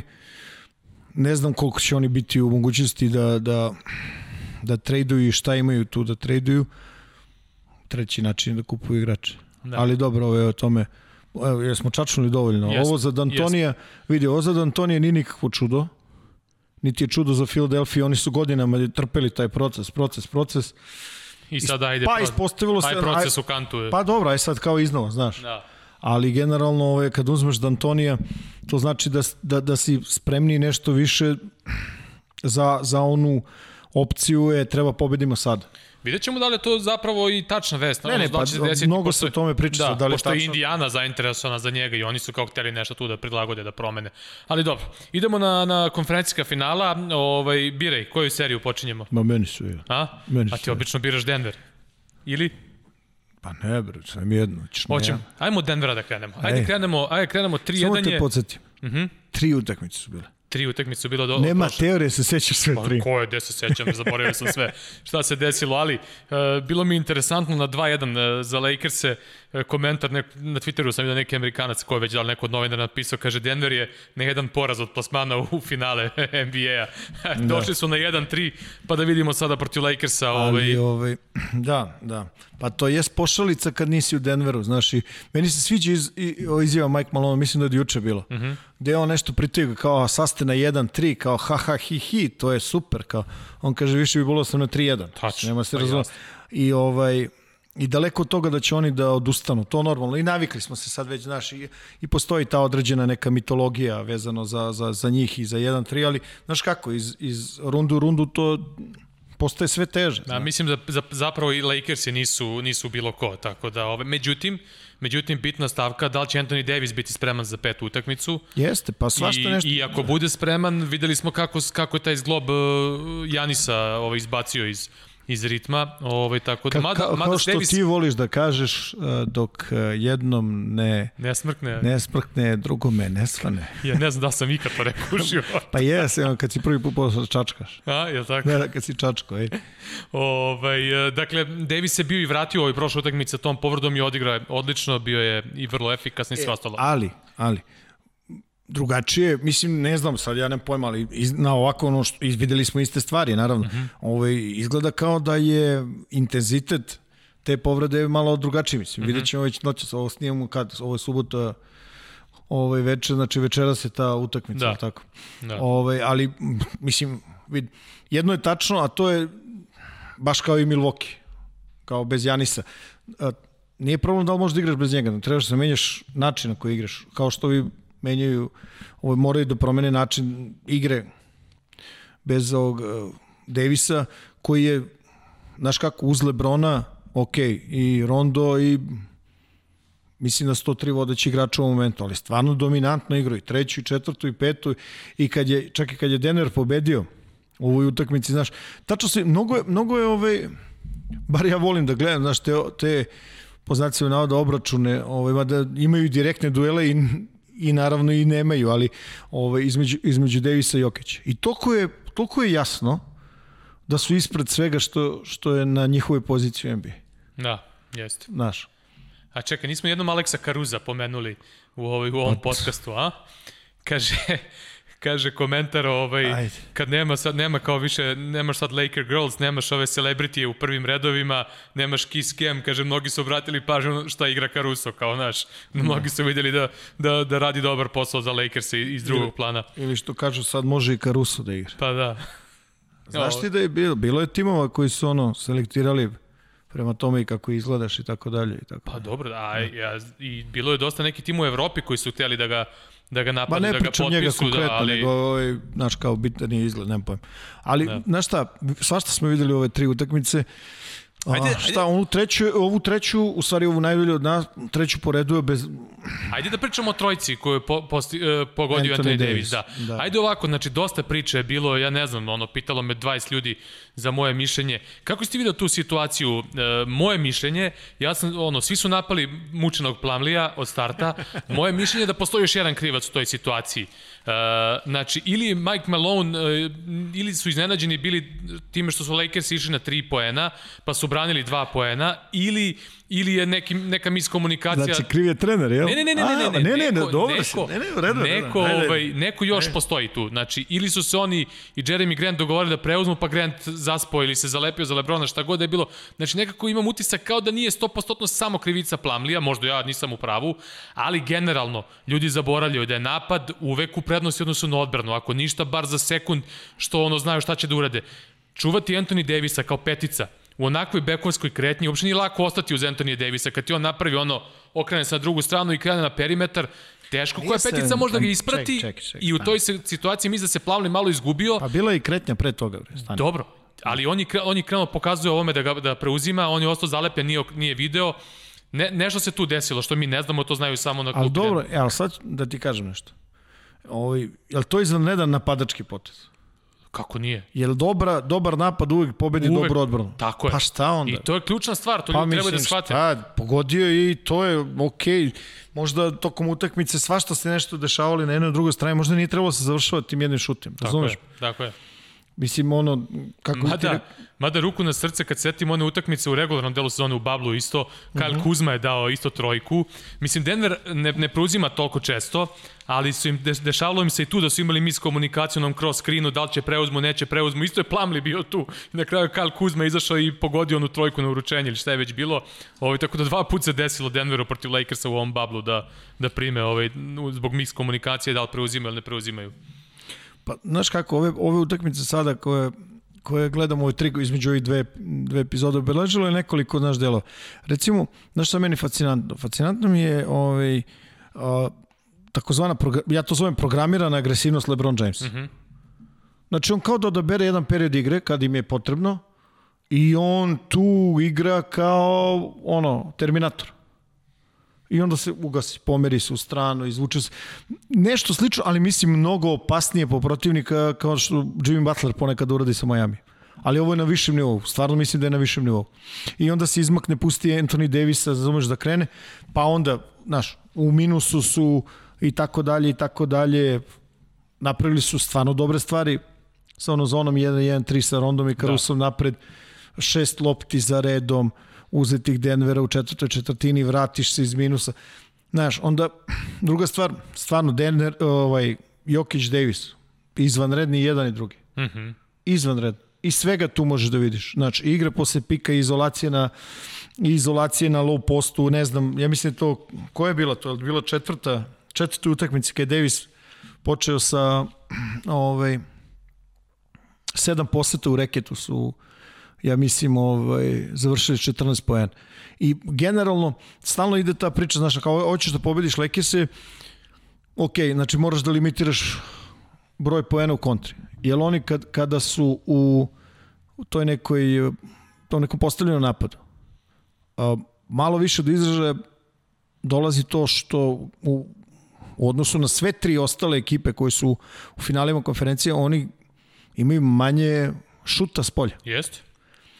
I u kontranapadu mogu da napadaju reket, napadaju dubinu i tu su fenomenalni, ali kažem u postavljenoj stvarno imaju nekak, imaju nekak umalo ovaj problem. I onda recimo u petoj utakmici čak su odlučili da napadaju sa Davisom ovaj, kad je bio na četiri sa Howardom, koji među vremenu postoji starter, jel? Uh -huh. ovaj, dole, pričali smo, znaš, sećaš kad smo pričali o spacingu, ti si mi pitao spacingu, ja sam rekao, recimo, Duncan je uvijek napadao sa peticom dole. Uh -huh. I oni su igrali sta dva rasporedu, dva unutra, tri spolja i tako dalje i tako dalje. Svašta, znaš, svašta se tu nešto ovaj, uh, smo mogli da vidimo sa strane, sa strane Lakers. Videli smo zonu, znaš, videli smo recimo zonu 1-3 koja im je dala puno, puno toga. Probali su sa 3-2 sa Davisom na topu, to nije bilo sjajno. Izgledalo mi je više kao da je Vogel teo nešto da pokaže, ali da nije bilo to dovoljno istrenirano. Prosto pravili su greške koje tim koji to bi, koji ima u defanzivnom sistemu ne bi trebalo da, da, da pravi. Što se tiče Denvera, vidi, ti kad pogledaš njih i način na koji oni igraju, znači oni imaju, oni imaju realnu opasnost dole na low postu, pri čemu uh, potpuno je svima jasno, Jokić može da igra i licem i leđima ka košu. I ono što je vrlo važno, on kad igra kao, ovaj, kad igra kao pet, posle preuzimanja, on može da kažnjava spoljni igrač. Da. Lakersi su se, od, za razliku od Clippersa, su odabrali da ga dole na low postu brane single, ono, Pa da, ali vidi kako da. liniju imaju. Da, da. Znači oni imaju personal koji može da ga brani. Recimo, i... ja se ne bi iznenadio ga uzme Lebrona kod Davis ne igra u nekim, ne, u nekim momentima da. igra. Znaš, kao što je odabrao Mareja da, da, ovaj, da brani u ovoj poslednjoj utakmici kada je Marej ono stvarno ponovo ušao ono svoje, kad je kad uđe u, taj, u tu neku svoju zonu komfora, prosto je malte ne, neodbranjiv, znaš. Sad, da li je bio onaj faul, na onom, o čemu stalno se priča, onome, da li je bio faul na onom prodolu, da ili nije. Pa ja mislim da je bio čisto suza. 105-102, Pa jeste, znaš. Po rukama je bilo. Pa mi ga vidimo sad, da. znaš. Treba da ga sviraš i to je ono... Generalno, prilično loše suđenje u, ovim, u obe serije, mnogo grešaka i na Miami i Boston, mnogo, mnogo grešaka, prosto mi je neverovatno. Ovaj... Ali ti fali neko od vrhunskih sudija, neko nije došao? Ja nisam primetio da fale sudije. Pa otišlo ih je nekoliko u penziju prethodnih godina. Ne, ne, to je drugo, da. nego recimo, znaš, nisu, nisu se pojavili nisu se pojavili u Orlandu zbog, ne znam šta, ni, da. neće da sude za što je COVID ili ne pojma, ali da. je, fali neko? Ja mislim ja ne, da ne, mislim da ne, nisam nešto... Pa znači to su najbolje sudije da. koje oni trenutno imaju. Sad ja, znaš kako, pričali smo o tome prošle nedelje, Meni je jasno recimo da će Lakersi da imaju drugačiji rating od Denvera. Jasno. Znaš, u savršenom svetu naravno oba tima ulaze da dovoljno su na nekom nivou napravili da, da ih poštuju isto ili da barem superstarove poštuju isto. Znači s jedne strane to su Jokić i Marej, odnosno opcije 1 i 2, s druge strane recimo ne znam, Lebron i i ovaj i i Davis. Ali, Ali meni se čini da baš tu da da da ne poštuju podjednako, odnosno da Marej i i posebno Jokić nisu imali isti kriterijum. Pa dobro, ali... Odnosno nisu imali kriterijum super star, starova. Pa da, pričali god. smo o tome, znaš. Da. E sad sledeći nivo je to, znaš, Denver nisu Lakersi. Da, da. Znaš.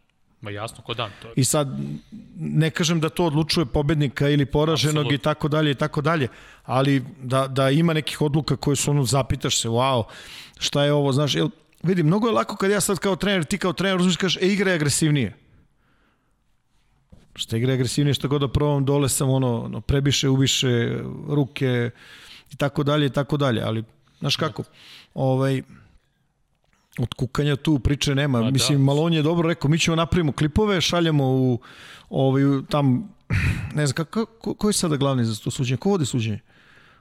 Nemam pojma, nije da. bitno. Sad ja, ja ne mogu se Pa ne mogu, stvarno ne sad. Pa kao možda ćemo mi dobijati više ovih. Jel to je ono, kako bih ti rekao, to je ono što, sve što možda uriš je to. Skrenuo si pažnju javnosti na, na ovaj, medija, e, verovatno ćeš svoje igrače, znaš ono, ajmo da idemo sad to da iscepamo do kraja, nismo mi oni koji odustaju, to je to i nema tu ništa iznenađujućeg, kao priča neka kao da li će da reaguju sad ovo sledećeg, pa naravno, kao i uvijek što su do sada reagovali, da će to bude dovoljno da dobiješ Lakers da igraš finale NBA, ja to ne znam, ne zna niko. Ali kao oni da uzmu da, ne znam, ovaj nešto kao da se predaju unapred, tog posla nema ništa. Prosto, znaš, imaju tu neku uh, način na koji igraju. Kada, kada mogu da iskontrolišu koje kakve herojske poteze nekih uh, tu naučnika ovaj, iz, uh, na, na terenu, znaš, mislim, pričali smo sto puta o tome, ja ću ponovo, tačno se zna ko je šta, Jokić je jedan, Marej dva, njih dvojica, vi svi ostali igrate iz toga. Razumeš? I ostale ta misterija kome se obratio Malone ono na kraju kad je rekao ako ne možeš da mi pomogneš u odbrani, kao možda ne treba budeš ovaj, na terenu. E sad je tu, znaš, nije baš ne znam koliko dugačka lista tih igrača kojima se obraća, ali opet to je njihovo nešto između, on kapirano da će izađu sa najboljom mogućom glavom ovaj, noćas i da, da pokušaju da, da urade sve da, da ovaj, produže seriju. Razumeš? Da. Gde, ponavljam, ono što si rekao je vrlo tačno i vrlo važno. Da li Davis igra, da li ne igra. Ja pravo ti kažem, do, do sada, do momenta kad smo mi počeli osnivanje, ne, ne, ne, nisam ništa pročitao da li igra, da li ne igra. Mislim, ono, to je, kapiram da će biti ono, ovaj, gay time decision i to je to. Pa, apsolutno, apsolutno. Uh, je li imaš nešto iz ove serije ili, ili je to to? Dodao bi ja samo na priču zapravo neki interesantan podatak sam video da kad smo pominjali sa Sašom Pavlovićem prošle nedelje Ronda i to što on radi za ekipu, da njegovi saigrači šutiraju 68% ovaj, iz igre na, na, na pasove na asistencije Ražona Ronda. Ja to čisto da, da. da malo ono oplemenimo. Pa ili, e, ili da se vratimo ovome što svi kao čude, kao, ovaj, kao neko je čuđenje, kao otkud Howard sad da igra. Pa igra čovjek, prihvatio novu ulogu. Novu ulogu je sad, vidi, majstore, sad si ti epizodista. I nema filozofe. Šta ti je posao? Kontakt sa Jokićem, non stop, non stop, non stop, igre odbrano, ide skok napad. Znaš, i onda uzme, pa uzme pa skoči četiri puta za redom, skoku napad, dao sam ti poena, razumeš? I to je ono kao da li prihvati ulogu. Pa jeste prihvati ulogu. Da se od njega očekuje da nešto iskreira, da bude nekakav lider? Verovatno ne. Ne vidim da, da je to do sada dobio ovaj, u igre Lakers. Razumeš? Da. I, I to je, znaš, ono, kao nešto, kao neko je čuđenje otkud Howard, od... to je to, Znaš, mislim, jeste.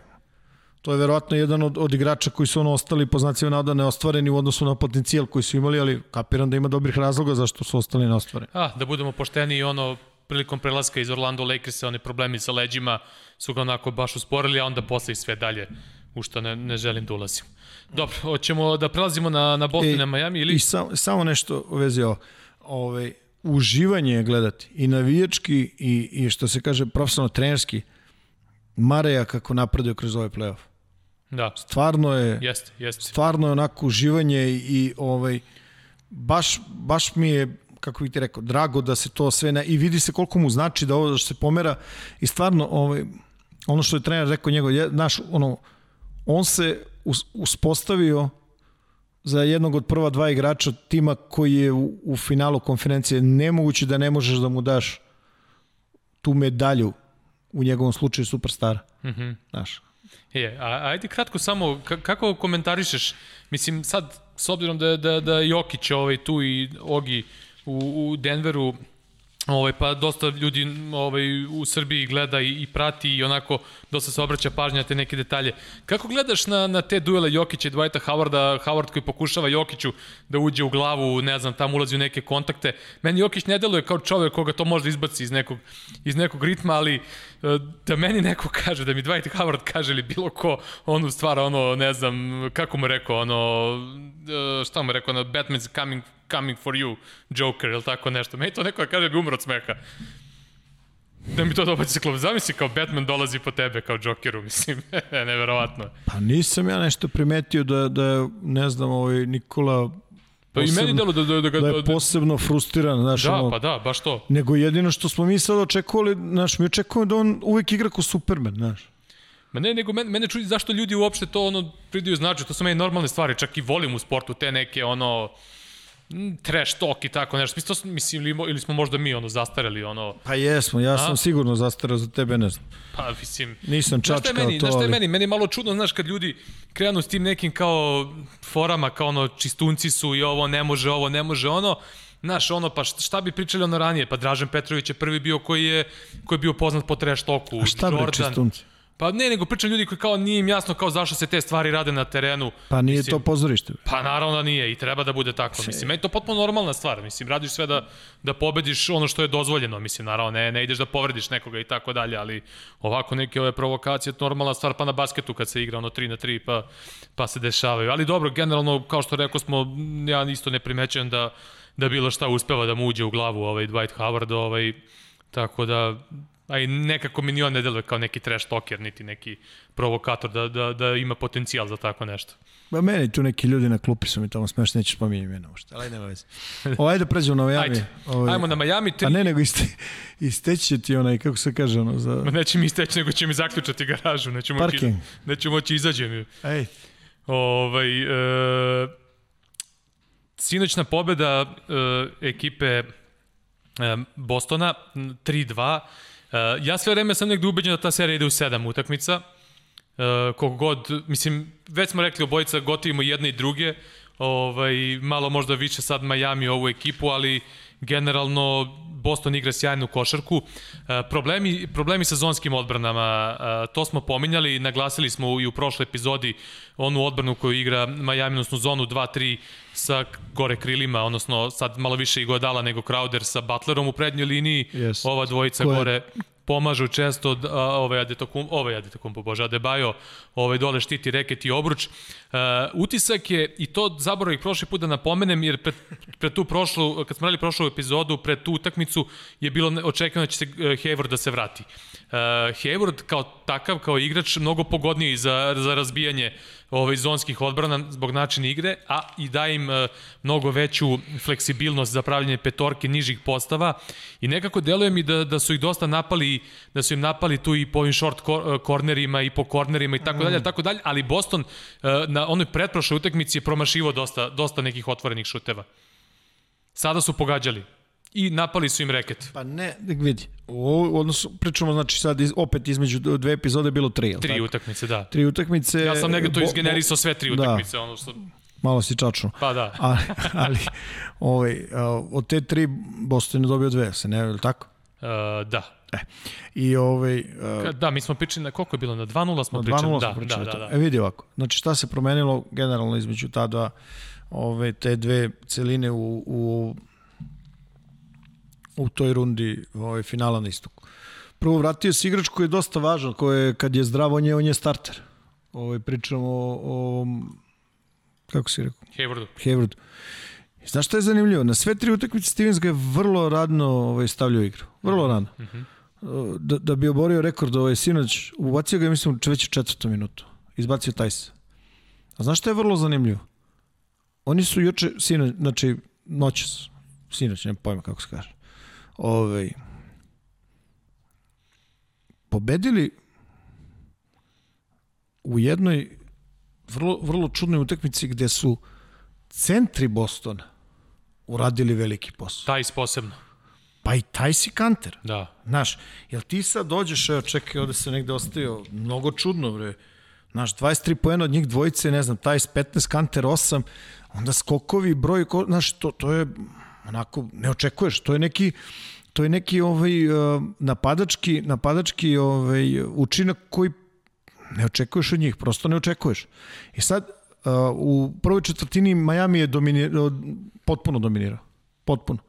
Znaš, Tajs na klupu Herod unutra, tarara, međutim, od početka, pa onda je Kanter malo nešto uspostavio neku ravnotežu, ne samo nego naravno, koja je razlika, samo kažemo zašto je Kanter opasan za opasan za ekipu Miami. U ovoj, u ovoj odbrani sa puno sviča. Da. Nijedan spoljni igrač, njih, uključujući ove najsnažnije, znači pričamo o Butleru, pričamo o Crowderu, ne može tako lako da zagradi kanta. Tako je, ne možemo isparira. Jeste. On je vrlo opasan, pričali smo već o tom takozvanom trećem ismeču na skoku. I, i to Boston ovaj, koristi i onda ovi nešto slobodnije po znacima navoda sa više sigurnosti se igra s polja protiv viših igrača Majamija ovaj, koji preozmu. A druga stvar koja je bilo vrlo čudna, Duncan Robinson je dao tri puta po ovaj, tri takozvane dvojke. 91% šutova play-offu su mu za 3 poena, juče je dao 6 poena iz reketa. Moraš da izgubiš tu utakmicu. Da, nema da, šta. Da, da, ali generalno, znaš, sve tri utakmice onako ali idu sve gore dole, gore dole. loše šutirao za 3 poena. Jeste, jeste. Da. Znaš, i... I čak neka selekcija šuta ne u smislu izbora šuteva, nego neki šutevi koji su dobro izgrađeni, nije, tipa nije dobro primio loptu ili ne znam, nije lepo noga mušao šut, ipak su ih šutirali i promašivali, a bile su neke, da kažemo... Ali, ali vidi, vidi, znaš šta je zanimljivo recimo za petu utakmicu? Oni su i dalje bili u velikom plusu na, na polovremenu, mislim, relativno velikom plusu. I onda u prvih šest minuta praktično utakmica odlače 23 mm -hmm. za Boston. Da, da. Odmah u trećoj četvrtini. Sve posle toga je bilo nekako, nije otaljavanje, nije to prava reč. Znaš što je vrlo zanimljivo? U pokušajima da se vrate, vrlo malo zonske odbrane. Koje, samo da dodamo, znači u momentima je 2-3, u momentima je 1-1-3. Mm -hmm. Znaš, sa tim dodavanjem na 45 izlaze igrači iz kornera, rade takozvane pomoći vraćanje, u sredini Adebayo. Vezano za zonski napad Bostona, oni su najefikasniji, znači sve su probali. Probali su pick and roll sa elbowa, sa ugla penala, s polja. Da. Probali su pick and roll kao unutra. A ono što je što im najviše prolazi, ali još uvek nije dovoljno efikasno. Sad ovo je malo onako nonsens, ali ono što najviše im daje mogućnosti za, za dobro rešenje dalja je takozvani flash na, na, na penal, ali oni tu ne stavljaju, da. ne stavljaju playmakere. Smart. Ne stavljaju igrače, ne, ne, slušaj, znači oni ne stavljaju igrače koji mogu da napadnu posle tog prijema. Mm -hmm. Znači, taj sto nije, Ali radio dobar posao u tome da, ali, ne, ali vidi, to je sve ono, ti kažeš dobar posao, možda je dao dva poena. Njima treba sistemsko rešenje. Mm -hmm. Znači njima treba Tatum tu, njima treba Smart, njima treba neko... Hayward, ko... Hayward je neko ko tu može to da uradi. Ne, nije, ne, čak ne ni on. On nije, ne, on će da gleda da, da doda, on mu, vidi, njegova priroda je da bude, da bude agresivan. Bre. On je tu, on ima limitiranu količinu minuta, on mora da bude agresivniji. On, on da gleda da doda, ma nema od toga ništa. Njima treba neko ko će da napadne, razumeš, i da iz tu svaka odbrana pokušava da brani taj, eh, taj eh, prostor oko ovaj slobodnih bacanja, to je srce odbrane. Tako je. Zato što kada loptu uvedeš u taj prostor na terenu. Između dve linije zone. Ne, ne, nema veze s dve dobro, sa linijama, ne, ne, čekaj bre, pusti me da ne ajde, ne, ne me čačkaš. Ulaziš u prostor gde su sva dodavanja prvo dodavanje, jel me razumeš? Mm -hmm. Znači, ceo teren napadački, cela polovina je tak, na takozvanom prvom dodavanju. Otvara ti mogućnosti levo i desno i po dubini. I to je ono što braniš. I znaš što je zanimljivo? U ovim utakmicama Miami je menjao stvari. Jedno vreme su uzeli, pa postave 2-2-1, pa ne daju taj pick and roll u sredinu. Pa onda sledeći put promene, igraju 2-2-1, vrate se u zonu, pa pick and roll usmeravaju u sredinu, jer su provali da ovi kada uđu sa loptom unutra, znaš, onako malo te ne teraju ga na, na, na debaje i oni veruju da je to za njih u redu. I sad, ovaj, ovo, ovo što je sada, ovaj, Brestiven šta rade sa ovim fleševima gore sa, na, na, na penal, to je u redu ako budu stavljali playmaker. Znači, taj igrač mora da bude definitivno agresivniji. Da, samo da podsjetimo, da zaboravit ću to sigurno, znači dalje jedna i druga ekipa na, na, na prekide, znači baseline, ovaj, čeoni out, bočni out, ulazi se u zonske rasporede, Zon, da. ali ono što je vrlo zanimljivo juče, znači Miami gubi utakmicu ne ulazi puno u zonu. Šta je vrlo bilo važno, recimo Butler brzo u ozbiljne probleme s penalima, Dragić na kraju je izašao sa, izašao, da. sa šest penala. I to ne sme se dešava. To prosto ne možeš sebi da dozvoliš kao, kao nosilac igre. Crowder u problemima sa šutem i tako dalje i tako dalje i onda recimo dođeš da dođeš u situaciju što je normalno za igrača od 20 godina. Ponavljam, Tyler Hero ima 20 godina. Naš jednu utakmicu 37, jesi u redu, 37 da. poena, sledeću sa mnogo manje agresivnosti. Prosto je tako, znaš, gore dole. Oni, Miami dalje otvara na isti način, uvijek prvo pokušaju da, da otvore preko Dankana. Preko Dankana, koji, trojkama, da. Da, pa sinoć je bio vrlo agresivan, kažem ti, ono, pogodio je koliko, 14 pojena valjda za, za, za ne znam, 13 minuta, uključujući tri prodora. Mislim, strašno ali ovaj, Butler je bio jedno vreme agresivan, pa se i on onda ugasi vrlo slično onome što, što radi Lebron. I jed, naš, ono, ide utakmici posle tog velikog breka u trećoj četvrtini na početku, prosto je bilo odlučeno. Znaš, I onda to što si rekao da ide u sedmu, moguće, moguće da ide u sedmu, ali pravo ti kažem, ja bih uživao da se to odluči u sedmu. Da, da. Jer ono, naš, pričali smo i samo malo šalimo se na početku, za koga navijati? Pa kao, navijam za jedne druge.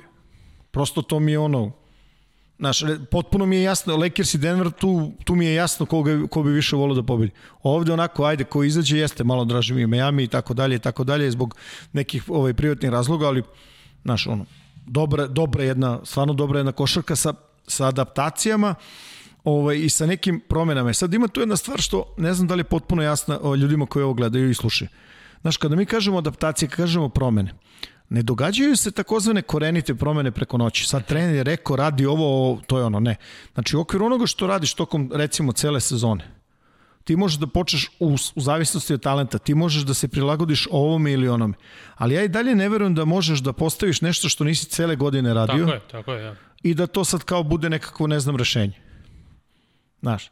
I, ove, ovaj, i to je u obe ove, mislim, generalno uošte, naš u play-offu gde imaš veliki broj utakmica, ove godine specifično veliki broj utakmica u malom prostoru da generalno u play-offu, rekli smo to već, imaš, imaš znači normalno, završava se sezona ovaj, i, i normalno se koncentrisaniji nego tokom, tokom ovaj regularnog dela. To je potpuno normalno. I da, nešto više se baviš analizom i nešto više se baviš takozvanim prilagođavanjem, ali usko povezano na šta tvoj tim može, šta ne može. I to je ono, kapiram da moraš da znaš moraš da znaš ovaj, šta mogu, recimo, iznenađujuće da Brad Stevens posle pobede takozvani menja, menja nekakve rotacije, menja ovaj, kako se igra, ali on zna tim bolje od svih nas. Tako je. I tu nemam ja šta da mislim ono kao, e što si tu uradio, što nisi.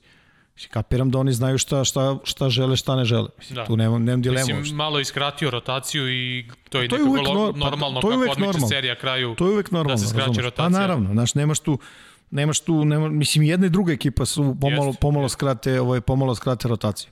Nemaš tu, tu sad vremena nešto da, da, ovaj, da izmišljaš. A kaži mi jednu stvar, kako ti e, komentarišeš to što u, u ove, da kažemo, dve utakmice, e, tri od četiri tima, ne računajući Lakers-e, tri od četiri tima se nekako im utisak mnogo konfornije osjećaju u trenucima kad, kad gube.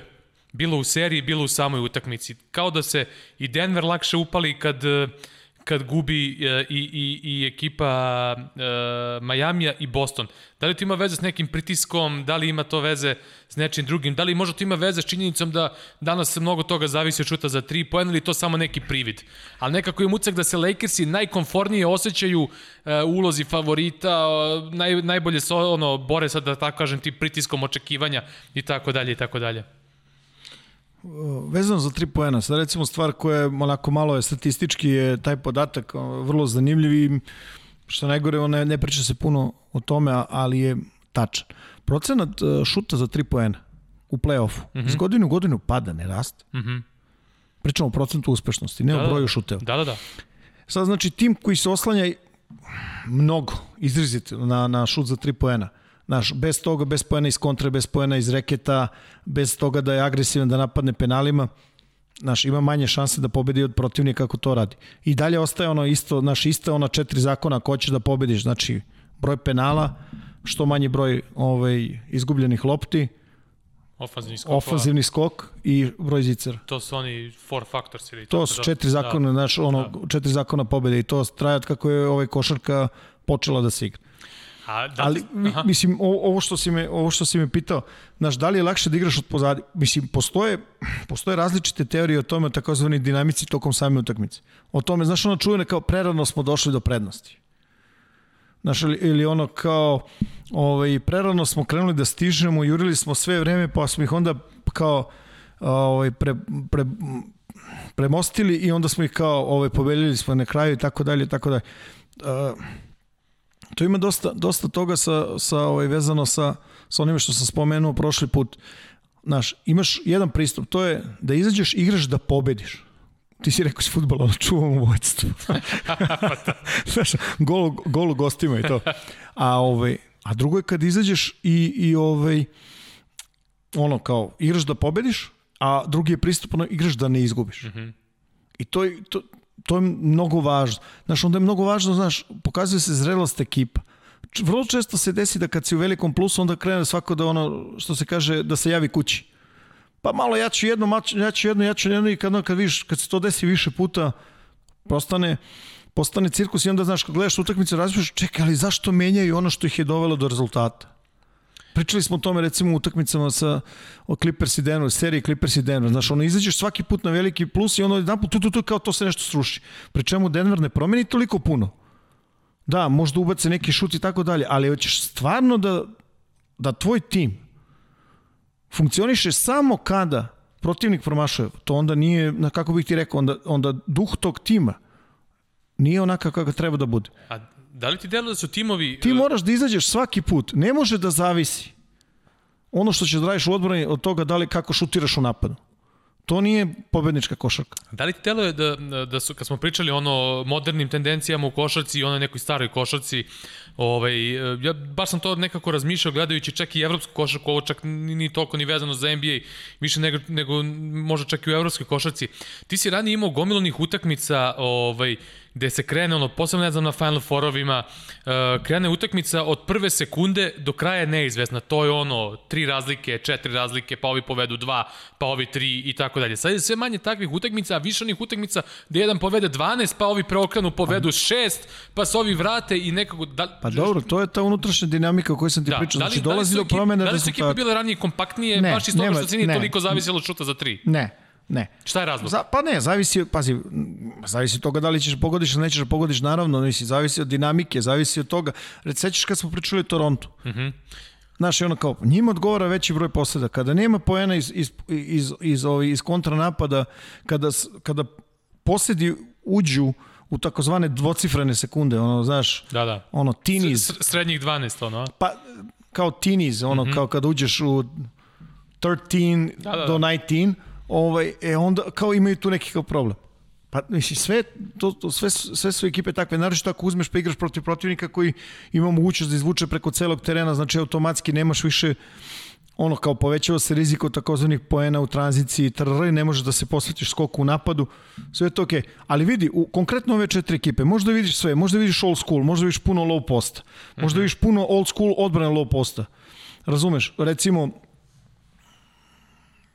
trap sa prvog dodavanja, stopera, pričali smo o tome u Denveru, Da. pa onda udvajanje sa, sa igrača koji utrčava, pa imaš ono puno, puno skoka u napadu, imaš dominantne petice fizički koji idu na skok, pričamo o Lakersima recimo, razumeš? Imaš, imaš recimo Miami gde imaš fenomenalne kretnje bez lopte igrača Hero, Duncan, Dragić. Kad igraju sa drugačijim sastavom, igraju, igraju sa drugim personalima, nekim oni igraju različite akcije naravno. Imaš Boston koji onako miksuje sve, osim oni realno ne mogu da igraju oni ne mogu da igraju preko, preko low posta, ali zato mogu da igraju sa, sa, sa četiri kreatora sa loptom. Eventualno preko kantera, ali ne koriste Pa ga čak i toliko Kante, da... da, čak i, naš, ni on toliko, imaš od ove četiri utakmice, tačno više, recimo na zapadu imaš puno low post igre, Da. na istoku mnogo manje. Čak recimo ni Butler, Butler uzme pa u onim momentima kad uzme ono loptu pod mišku i kaže ja sam najjači na svetu što je ono okej. Isto kao i LeBron, kad te stavi na rame, to je gotovo. To je gotovo. Snažniji, naš, uh, brži, veći, puf, napadam tamo gde ja hoću, i ono, pravim višak, sad ti uzmite i rešavajte vi u odbrani. Raz, ne znam, Da, da, da, razumeš da, da, ti pričam. apsolutno, apsolutno. Znaš, onako totalno se susreću neki stilovi i zato ja mislim, na, meni lično, meni stvarno, ja sam vrlo zadovoljan ovaj, Apsolutno. ovim utakmicama. Isto majke ja, i ja isto. I čak nevezano za tu priču, kao sp- spustili su se, spustili su očekivanja zato što su u Orlandu, pa ovo tvoje new normal, ma ne bre, ovo su dobre Jeste, utakmice, odlične utakmice. u, u poređenju s bilo čime. Bre. Odlična utakmica. Znaš, imaš I- svašta. Šteta što nema publike. Kakve bi tek bile Pa, ovaj, i da, sa tim još. vero- ve- A svašta ima da se vidi. Pa ima. Da. Uh, Znam da me sad požuruješ, ajde. a neću te ponoviti, mislim, zaključat će nas, pa kako ćemo kući se vraćamo. Ja peške. Da, ovaj, uh, koja je ovo epizoda bila? Da zatvorimo. Peta. Sedma, sedma, sedma epizoda je ovaj, završena. Dakle, uh, imali ste prilike da, da čujete... Ti si, biti, si gledao Dan Mrmota? Groundhog Da, Day? da, da, da. Ej, ej. Pa kako? Znači, hoće svaka da nam bude Svaka peta. je peta, završavamo svaki put petu Svaka epizodu. epizoda je peta, dobro. ovaj, kako se zove, ništa. To je to što se ove sedme epizode, sedme pete epizode tiče. E, sledeće nedelje najavili smo, malo ćemo više pričamo o evropskoj košarci, a sledeće nedelje polako kreću, dakle, Euroliga, Eurocup, a počeće verovatno i NBA finale, tako da e, kreće polako e, malo drugačija dinamika unutar, jel te, ovog našeg Vidi, podcast, mi se nadamo, podcastića. vidi, mi se nadamo da ćemo dalje pričati više o NBA, to što znači da će Denver ostati duže u, u priči. Da. Daj Bože da sa 3-1 bude ono njihovo čuveno 4-3. Da, Razumeš? Mi- Za njih, ne za ove druge. da. Ali ne znamo, to vidjet ćemo šta i kako. Nadamo se da će obe serije da odu po sedam utakmica, bar da gledamo tu najbolju košarku ovaj što duže. Tako je. Eto, To je to. Pozdrav. Ćao. prijetno. Woo!